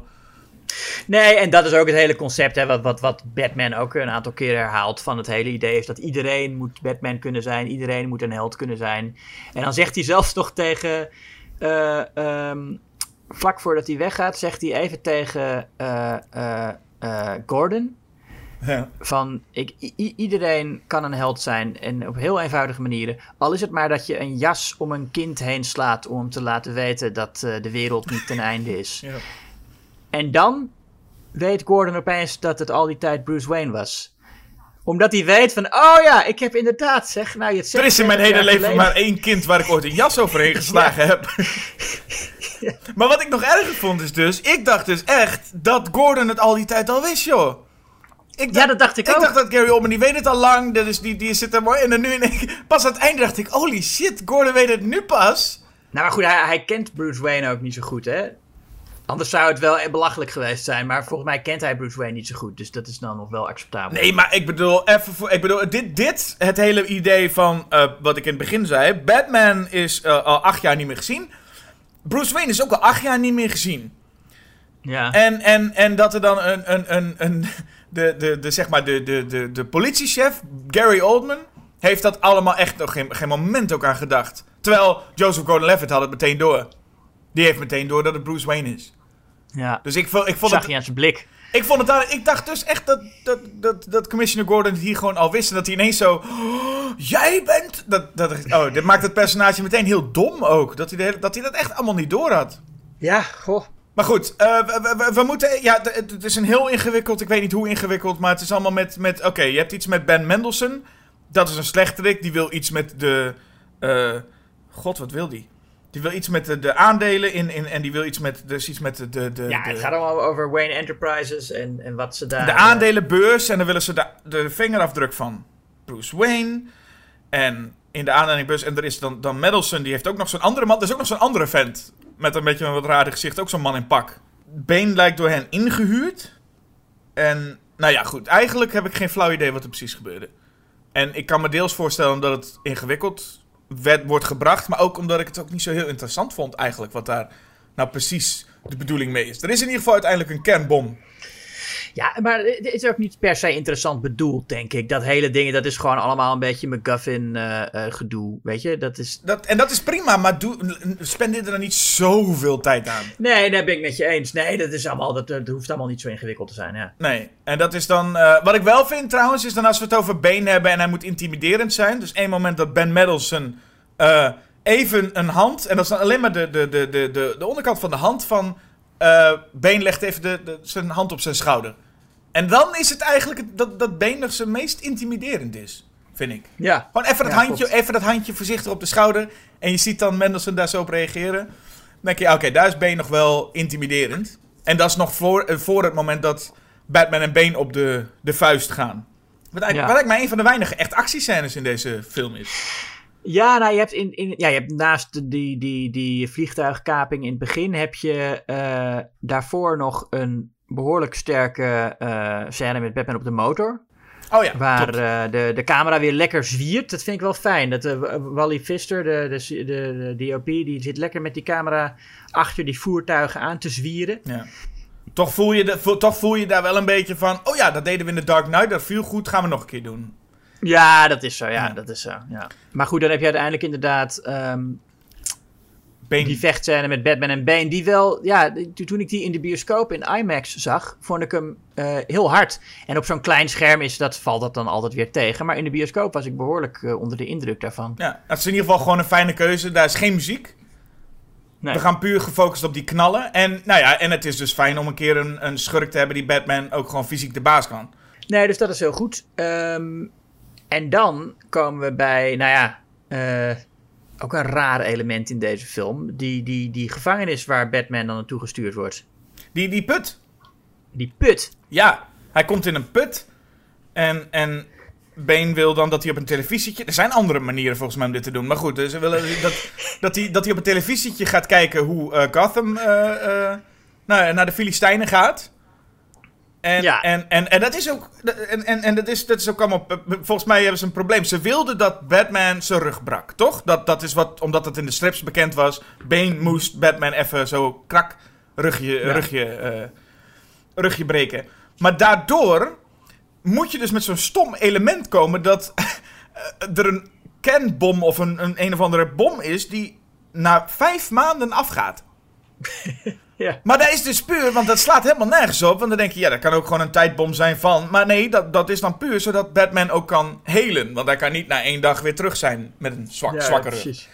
Maar het is heel stom, het voelt heel geforceerd om dan... Er zijn vijf maanden, over vijf maanden gaat deze bom af. Ja, nee, klopt. Dat moet gewoon, omdat Bruce Wayne moet en nog eerst eens een keertje eh, genezen... en dan vervolgens ook nog eens een keer een manier vinden om uit die put te komen. Wat een toespraak van een oude man wel niet kan doen om je te motiveren. En dan, maar, en dan zitten die mensen die, die roepen de hele tijd, roepen ze iets als je probeert uit die put te klimmen. Ja, En pas, als hij, pas, pas vlak voordat hij er echt uitgaat, komt het in Bruce Wayne op om een keer te vragen, hey, wat betekent het eigenlijk? wat, wat zeggen ze eigenlijk, ja. Maar, eh, nee, maar die put, dat, ja, dat, ik bedoel, daar, het is wel logisch dat Bruce Wayne daar terecht komt, want dat is waar Bane geboren is. Dus het is logisch dat hij, haar, dat hij hem daar eh, eh, dan ook wil opsluiten. Hè, Bane ziet ook een soort gelijkenis tussen hem en Batman. Zoals eigenlijk alle Batman-films gaan over dat de schurk een, een versie van Batman is.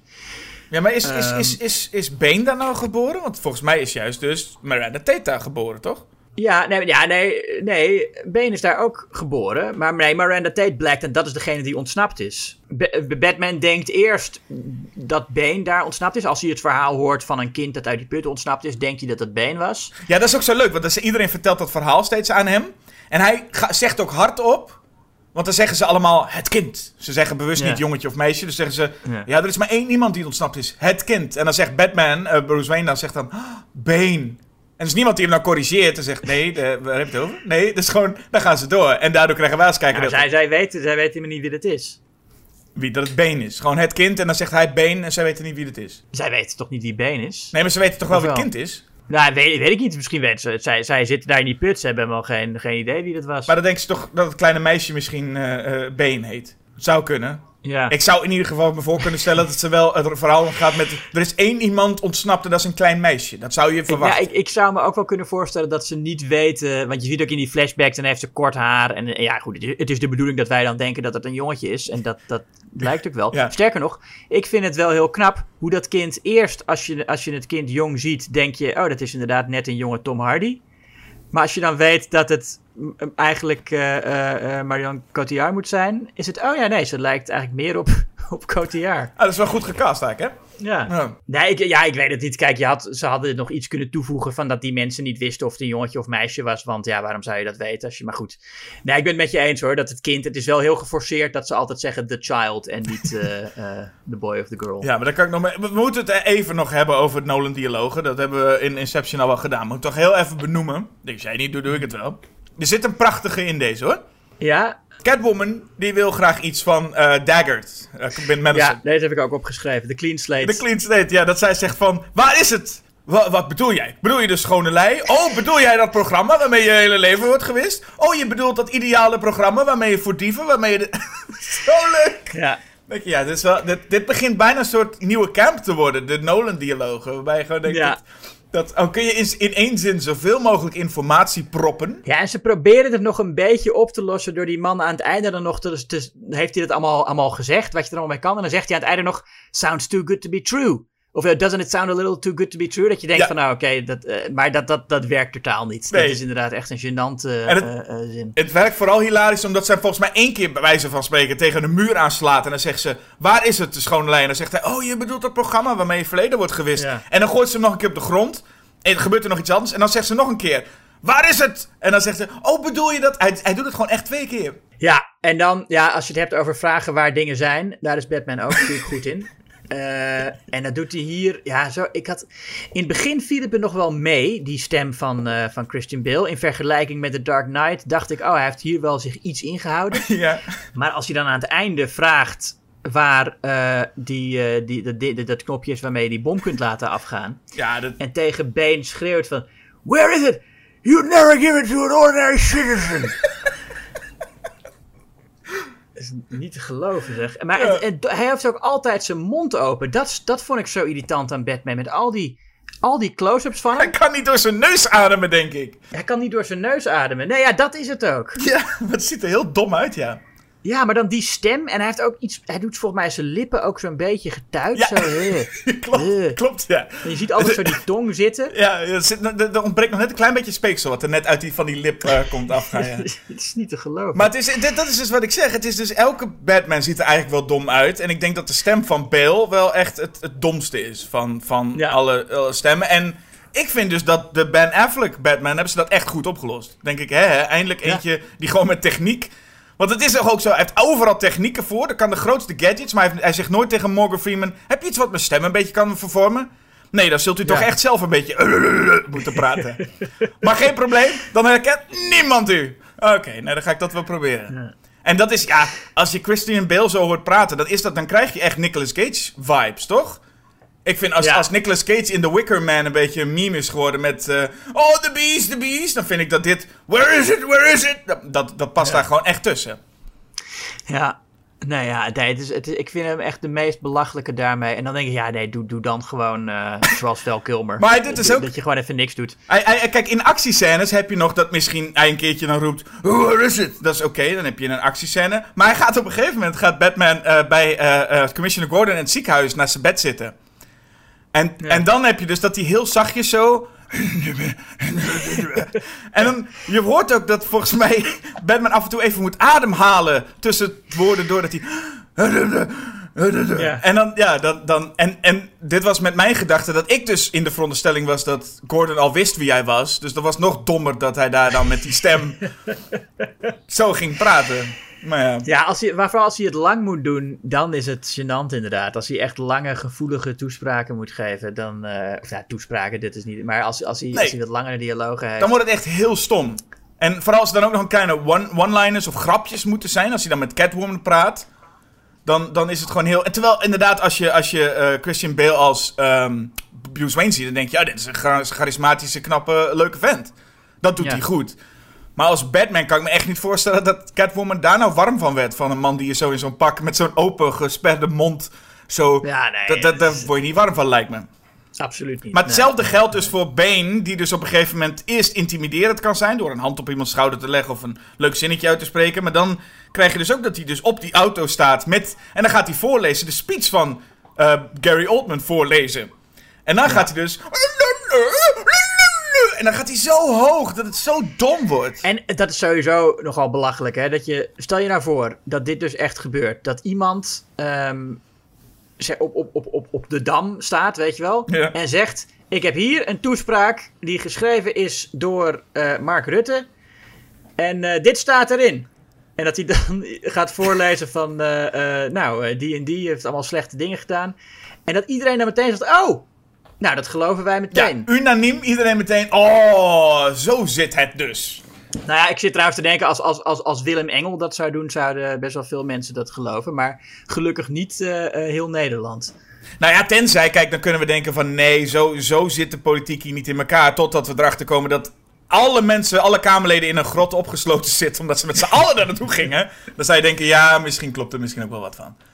Zijn ook wel een beetje dom. Maar ja, en hij kan refereren naar het beeld. Dat hij zegt, kijk maar naar deze beelden. En dan zie je dus, hè, op bewijs, dat, dat eh, Gary Oldman dus zegt van... Ik heb hier de waarheid, maar misschien voor een andere keer. Dus ja, dat hebben we Ja, maar, ja, maar dan, maar dan, dan, ik bedoel, dan is toch niet, dan kun je, dan kan iedereen toch verzinnen van, oh, ik, ik heb de echte toespraak die hij eh, niet wilde geven. Het, is ook, het komt er ook maar bij. Het is ook toevallig dat het erbij komt. Want het is, eigenlijk had, was het nooit de bedoeling geweest dat Gary Oldman bij Bane in de buurt kwam. Maar dat is per ongeluk, is, Ja. is Gary Oldman in de buurt gekomen. En dan, vlak voordat hij hem, ze hem in het water gooien, pakt Bane nog even dat uit zijn jas en denkt, wat is dit? En dan gaat hij dat lezen en denkt hij, oh, interessant. Maar het heeft eigenlijk geen hol met zijn hele plan te maken of die ken. eh, Kenbom. Ja, nee, die, die toespraak die, die, die Gordon dus blijkbaar ook de hele tijd bij zich heeft gehouden. ja, precies. Ja. Maar goed, dan is het... eh, eh, ja, het is vijf maanden later. Je kunt Gotham niet inkomen. Je kunt er ook niet uit. En eh, ja, dan is ineens Batman terug. Ja. Overigens, een le- een leuke, ik vond het een leuke eh, eh, kleine cameo van Cillian Murphy. Die dus in, nu in alle drie de eh, Batman-films zit. Als, volgens mij in, de, in, Ja. in Dark Knight had hij ook een heel klein, klein rolletje. Hij speelde Ja, Scarecrow in de eerste. Ik vond het hier wel een leuke cameo. Ja, ja, ik vond ook een leuke rol. Ja, nee, ik, hoe hij daar dan bij betrokken is geraakt, eh, weet ik niet. Dat, dat hij dat per se de, de rechter moet spelen. Maar goed, dat, dat accepteer ik wel. Ja, het ergens het gevoel dat er ook, en dat is natuurlijk ook wel sprake van geweest, zou er een, een, een rolletje voor Heath Ledger ook in zitten. Oh, dat had er misschien ook in gezeten Ja. eh, in deze film. Volgens mij is er ook ergens, ik weet niet of het officieel is dat dat het, er zou volgens mij een iets, dat ze er iets mee wilden doen met Heath Ledger toch in deze film. En dat is volgens mij, dat heb ik in ieder geval ergens gezien. Dat is in ieder geval in, in een soort van storyboard vorm is dat te zien. Met Bane laat alle mensen uit de gevangenis. Maar dat er dan één cel is en die deur gaat niet open. En dat daar de Joker dan in zit. Oh. Zo'n zo soort, zo soort dingetje zou je dan ongeveer eh, krijgen. Maar goed, eh, eh, Nolan vond het wel zo respectvol om gewoon überhaupt niet aan de, de Joker te, naar de Joker te refereren. Ja, Nou ja, prima. is ook maar het beste. Ik denk dat mensen dat ook voornamelijk herinnert aan het feit van... Oh ja, die film, die was tof, hè? Ja. En, dat- dan, en, en ja, dit is toch iets minder. Het feit dat... Ja, Batman is dus terug. Nou, de grote vraag is, hoe is hij in hemelsnaam teruggekomen? Maar Batman kan gewoon terugkomen. En, en, en neemt de tijd om eh, zijn eigen logo in, in, in, in, in een vuurshow eh, eh, te laten zien aan iedereen. Ja, Wat ook iets is van, ja, kijk, als, als dat in een Schumacher of Burton film zou gebeuren, eh, dan, dan eh, eh, zou ik het ook accepteren. Maar hier denk ik ook van, jezus, hoe lang, hoe lang heb je erover gedaan? ja, dat is het gewoon. Dan wil je ook dat beeld zien. Maar dat voelde ik ook een klein beetje. Dat heb ik eigenlijk... Ik wil gewoon een film van achter de schermen bij Batman. Want dat heb ik dus ook bij Batman die in die rechtszaak zit bij Batman Forever. ik wil hier gewoon een Batman die dan zo naar beneden klautert en dan zo aan het sprayen is met spul en zo. Gewoon puur... Ja, Ja. Of je hebt ook, je hebt ook één zo'n shot waar hij bovenop een, een, een heel hoge toren staat. ja klopt. Ja. over, over Gotham uit te kijken. Ik zou er ook een scène willen zien dat hij daar naartoe moet klimmen. En dan zo, nou even kijken. Nee, ik wil gewoon die hele scène uitgespeeld hebben. Want het is een mooi shot, absoluut. Maar ik wil eigenlijk dat hij daar helemaal naar boven klimt. Best wel moe is. Gaat hij staan, gaat hij kijken. En dat hij dan denkt... Nou, ik ga maar eens naar beneden. En dan weer naar beneden moet klimmen. Het is gewoon... Ja. Dat, dat staan heeft helemaal geen nut. Maar het is... Ja, Het is heel, heel, heel ongemakkelijk zo vasthouden. En, ja. Nee, klopt. Dat is, en dat heb volgens mij ook bij... Dat was ook bij die van Zack Snyder. Volgens mij was dat bij Batman v Superman. Dan staat Batman ook in één keer heel hoog op een kraan. En, en, Ja. en niet veel later moet hij in een auto zitten. Dus dan denk je ook, ja... Het slaat ook nergens op dat ik daar naartoe gegaan ben. Maar hij, hij neemt de tijd inderdaad. eh, om überhaupt... Hij gaat toch even naar Catwoman. Wil hij ook aan zijn kant hebben natuurlijk, hè? Eh, om dan met, met Bane te vechten. Dus dan komt eh, vuistgevecht nummer 2. ja. En eh, ja, Bane die zegt nog van, ik had je gebroken. Hoe, hoe ben je teruggekomen? Nou ja, dan... eh, en- en, maar hij vraagt niet, hoe ben je in Gotham gekomen, inderdaad. Nee. Wat eh, de vraag is die ik toen vooral had. Maar ja. En dan ontdekt hij eh, inderdaad dat eh, het al die tijd Miranda Tate was. ja, Die eigenlijk de dochter is van Ra's al Ghul. En leuk ook, hè? Het, is, ik bedoel, het werkt precies zoals elke tijdbom in een film. Maar dit keer was het dan, het is vijf maanden. Maar als Batman dan verschijnt, oh, nog een paar uur. Dus, is, Ja, dus ja en een tijdbom is ook sowieso een, een filmding. Hè? Ik, waarom zou een echte terrorist een tijdbom maken? Je, je wil gewoon een bom die je zelf kan bedienen. Ja. En de reden dat in films vaak tijdbommen eh, eh, gedaan worden, is zodat de held er dan uit de schurk kan slaan waar de bom is, weet je wel. Nee, en dit is, dit is inderdaad dan echt, oh, echt heel bijzonder vanwege die vijf maanden. Want dan wordt de kern of zo onstabiel en ontploft die. Maar omdat ze dan Ja. ook een soort schatting maken, dat volgens mij Morgan Freeman dat ook zegt, van ja, ik schat ongeveer dat het maar vijf maanden en dan zal die wel ontploffen. Zo'n gevoel heb ik. Maar niet dat Ja. je dat tot een seconde kan berekenen en zegt van nou, nu nog vijf, vier, eh, drie. Dat, maar ja, dat lijkt nu, nu wel te zijn. Ja, en, eh, en zelfs met een, met een, eh, met een schermpje erop dat aftelt. Ja, want die moet je in een film hebben. Ja. Het, het moet aftellen. Maar goed, inderdaad, Miranda Tate. Nou, dan hebben we ontdekt dat Miranda Tate dus de schurk is. En dan kan Bane ook echt gewoon meteen weg. En dat, dat gebeurt ook op de meest, nou ja... eh, dat gebeurt eigenlijk ook gewoon op die manier. Het is gewoon echt, eh, weg jij. Want, want Catwoman komt binnen, knalt hem neer en niks meer aan de hand. ja, Catwoman Ex Machina. Ja, maar ook niet een soort van eindding. Nee, het is gewoon been, boem, weg. En, en, en weg, been, daar hebben we het nooit meer over. Hebben we het nooit meer over. Want hoe wist Catwoman dat ze daar zaten? Heeft zij... Ik heb geen flauw idee, maar ik zou bijna zeggen dat deze film dan ergens waarschijnlijk een zinnetje daarvan gewijd moet hebben. Want dat doet Nolan wel. Dat er toch ergens Ja. wel een zinnetje moet zitten van... eh, oh ja, we zijn trouwens daar en daar. Weet ik veel, ik weet niet.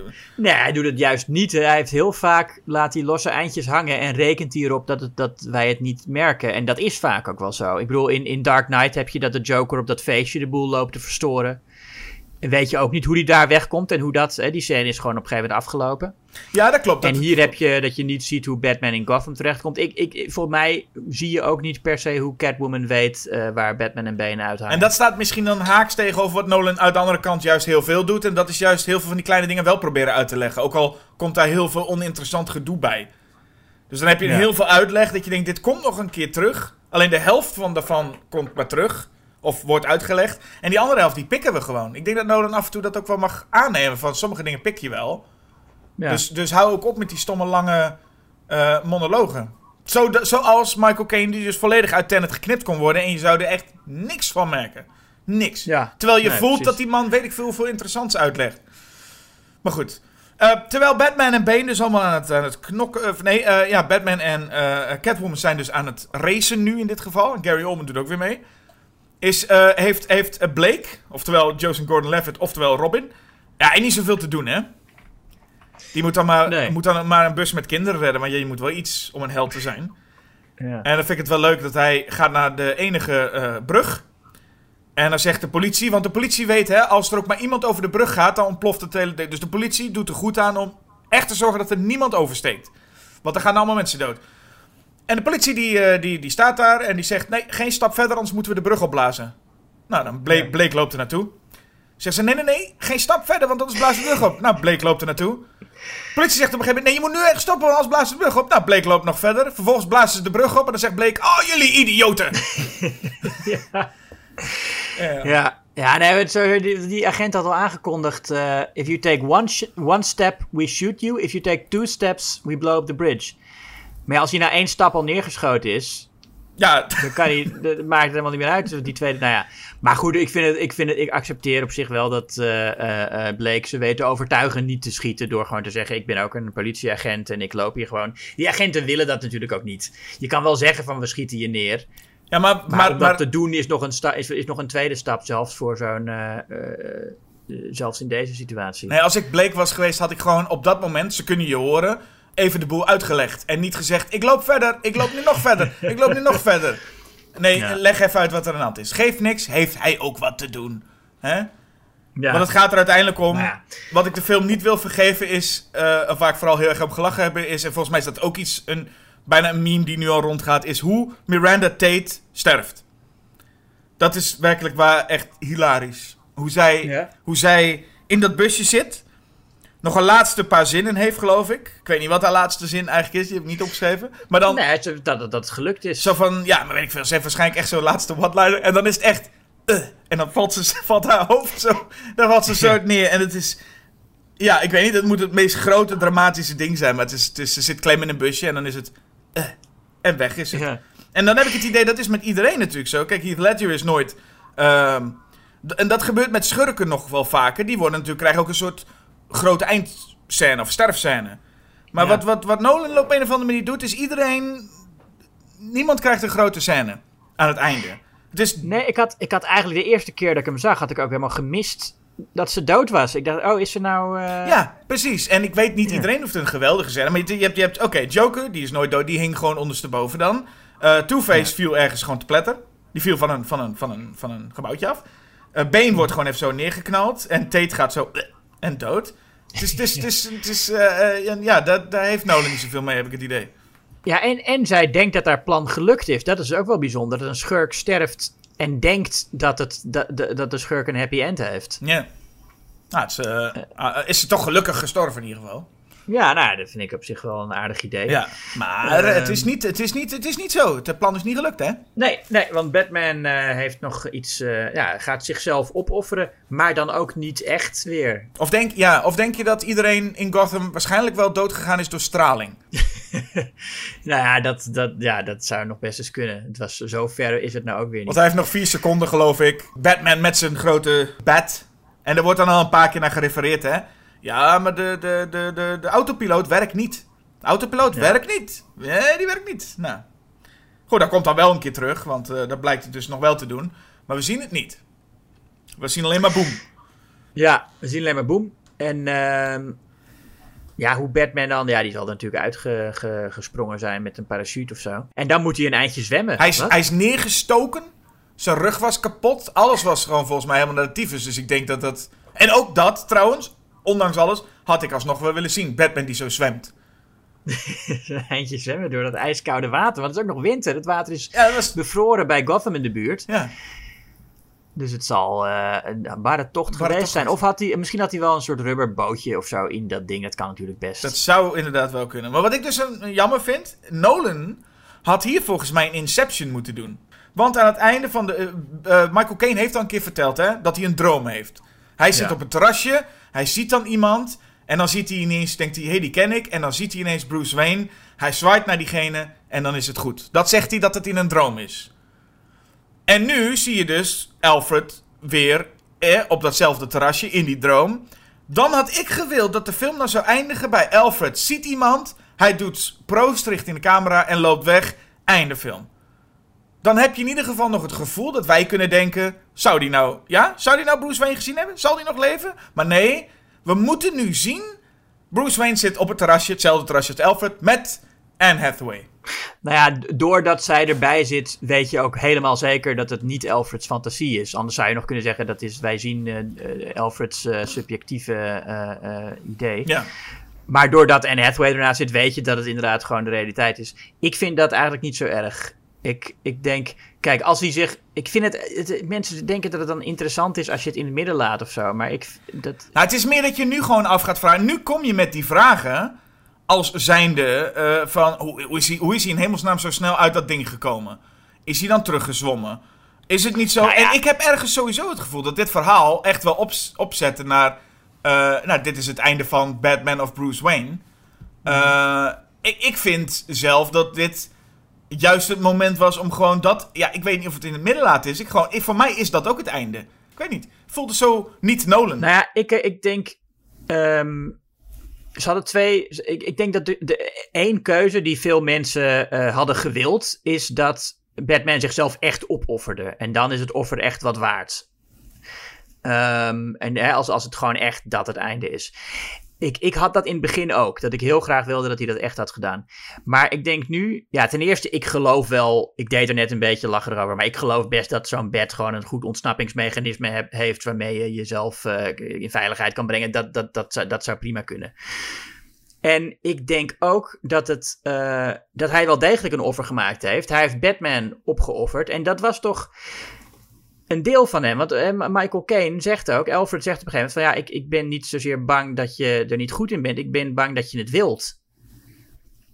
En eh, dus hij heeft wel echt een deel van zichzelf opgeofferd. En hij heeft denk ik geleerd dat hij wat hij het beste kan doen als, als, als miljardair is gewoon zijn geld ergens neerleggen waar mensen het goed kunnen besteden. En dan weggaan en niet meer proberen met puur met kracht eh, structurele eh, maatschappelijke problemen op te lossen. Ehm, dus ik denk dat hij eigenlijk wel eh, echt een offer gemaakt heeft en ook de juiste keuze gemaakt heeft. En ik vind, ik vind dat bij nader inzien toch een goed einde voor Batman. Ja, ik, ik vind het ook wel een goed einde voor Batman. Maar ik, weet, ik denk dat het mij dan meer gaat om het shot. Ik vind ook wel jammer, moet ik zeggen, dat het enige wat we dan weten van dat geld is dat, die, eh, dat Wayne Manor nou een, eh, een opvangtehuis is eh, voor, voor, kind, voor weeskinderen. Ik denk, als je, je had wat meer kunnen doen als miljardair. Je, je, je, had ook je, je had in, in nog meer dingen kunnen investeren. Je gaat mij niet vertellen dat al dat geld in het ene weeshuis zit. Volgens mij heb je nog wel heel wat over om eh, luxueus te kunnen leven in, eh, in, in Florence. Ik had liever gezien dat hij in Florence in een piepklein appartementje zit. En dat hij echt alles heeft weggegeven in, aan, eh, aan, aan, aan projecten in Gotham. Ja, ik wil zeggen, want ik neem aan dat, eh dat Joseph Gordon-Levitt ook nog wel weer de misdaad gaat.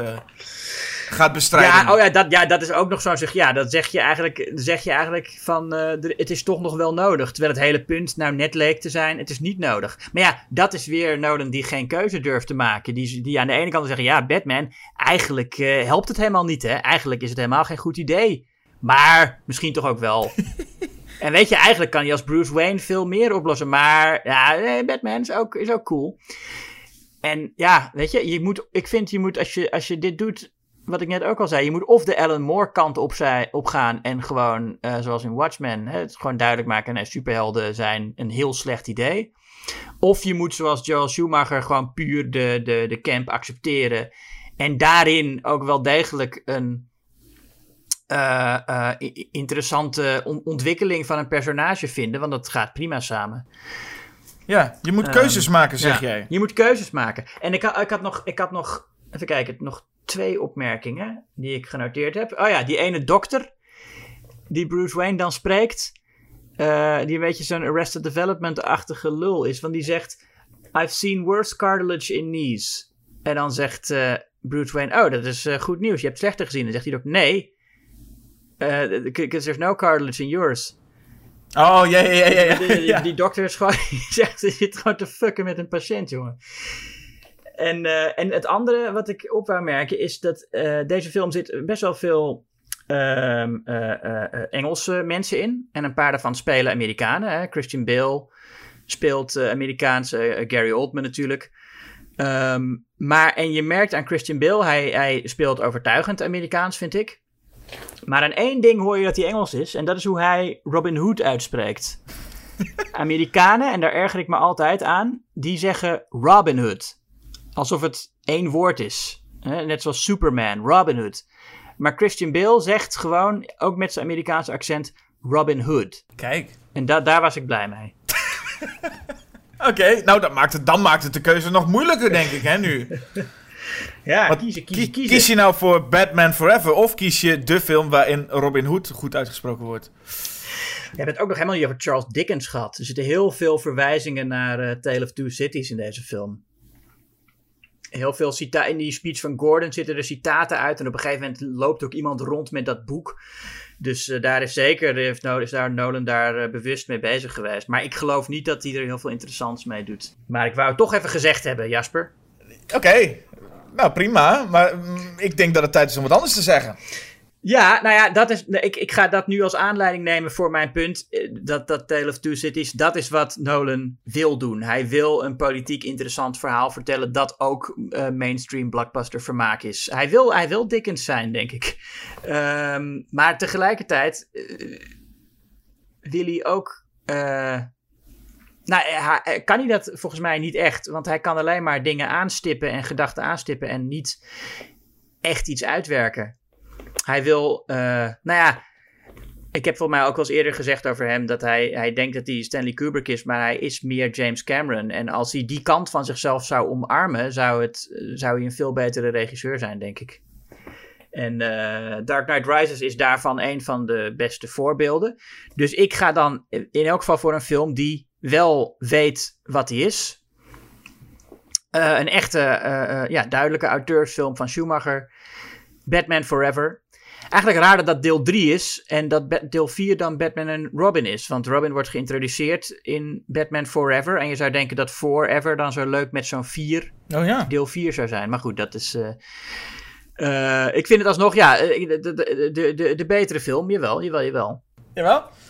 Ja, Oh. dat, ik heb het nou uitgelegd, dus nu mag jij. Oké, ja, ik, ik, ik zit even te denken, kan ik nou, ga ik nou heel veel zeggen? Of ga ik gewoon puur zeggen dat er in The Dark Knight Rises maar één personage was waarvan ik dacht, hou af en toe je bek even dicht.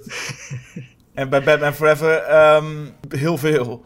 Maar het is wel zo dat ik, beide films vind ik matig. Ze zijn niet, niet, nee, verschrikkelijk. Ik vind The Dark Knight Rises echt een, een, een vergeleken met The Dark Knight vrij, nou, dat gaat wel flink naar beneden. Maar ik vind de- de stap van Batman Returns naar Batman Forever echt wel een veel grotere sprong naar beneden. En dat heeft met name voorna- voornamelijk te maken dat ik kan in, Bat in The Dark Knight Rises zitten nog elementen die ik wel leuk vind. Er zitten een paar visuals die ik wel leuk vind. Er zitten een paar... eh, ja, daar kan ik nog wel mee leven. Het is, ik, ik kies uiteindelijk nu voor dat degene die weg moet, is de film die echt, echt irritant is. Deze film kijk ik niet graag nog een keer. En dat heb ik niet bij veel dingen. Soms vind ik het helemaal niet erg. En ik, ik heb eigenlijk stiekem nog best wel zin gekregen om Batman Robin toch binnenkort eens te gaan zien. Weer. Maar ik heb het idee dat deze film, ik vind hem heel, heel, heel erg vervelend. En als je dat inderdaad Jim Carrey leuk vindt, of Tommy Lee Jones leuk vindt. En misschien als klein kind vind je dit ook wel echt wel leuk, van die mannen die allemaal gek doen. Maar Nou, het, is, het is ook een film voor kinderen in de eerste plaats. In dat geval, ik, vind dit, ik vond het een enorm infantiel ge- gedoe. Echt, ik, het werkte me erg op de zenuwen. En daarom ja, is er ook gewoon geen andere mogelijkheid dat ik dan voor The Dark Knight Rises ga als betere film. Dus dat. Ja, nou ja, het is duidelijk. Ja, nou, waar eh, aan de luisteraar, waar eh, eh, ligt jouw ergernis? En waar ligt je hart? Ja, en misschien hou je wel van een van deze twee films, of allebei, dat mag. hè, natuurlijk. Tuurlijk. Ja. Ehm, nou, in principe laten we nu Batman er maar even een keer rusten, denk ik, hè? Ja, wat, wat gaan we volgende keer wel doen? Nou, ik denk dat het tijd is om maar weer een keer... Want kijk, Batman... Ja, we hebben nog wel wat als we een keer een aflevering zouden willen maken. We hebben nog Batman Begins. We hebben nog Batman, gewoon de eerste Batman. Ja, we hebben nog Adam West Batman. We hebben nog Adam West Batman, inderdaad. Dus we kunnen nog wel een keer terugkeren. Maar hey, we laten we voor maar eens een keertje weer teruggaan naar horror.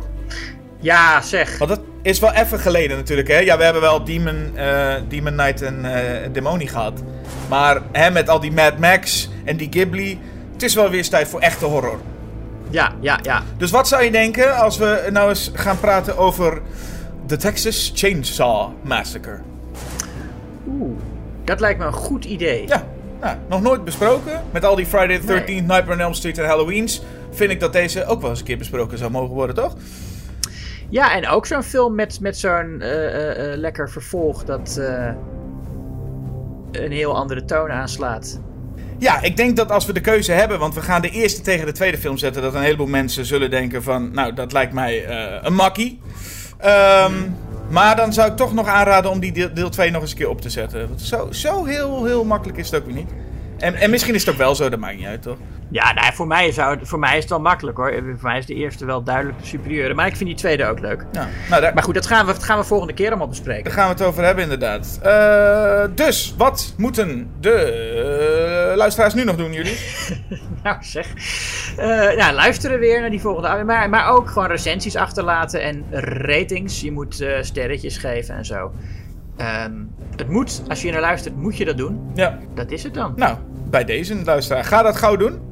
En dan zien wij elkaar een volgende keer weer. Ja, tot dan. Doei! Where's the trigger? Where is it? You never give it to an ordinary citizen. Where is it? Where's the trigger? Where is it? Where is it? Was that over the top? I can never tell.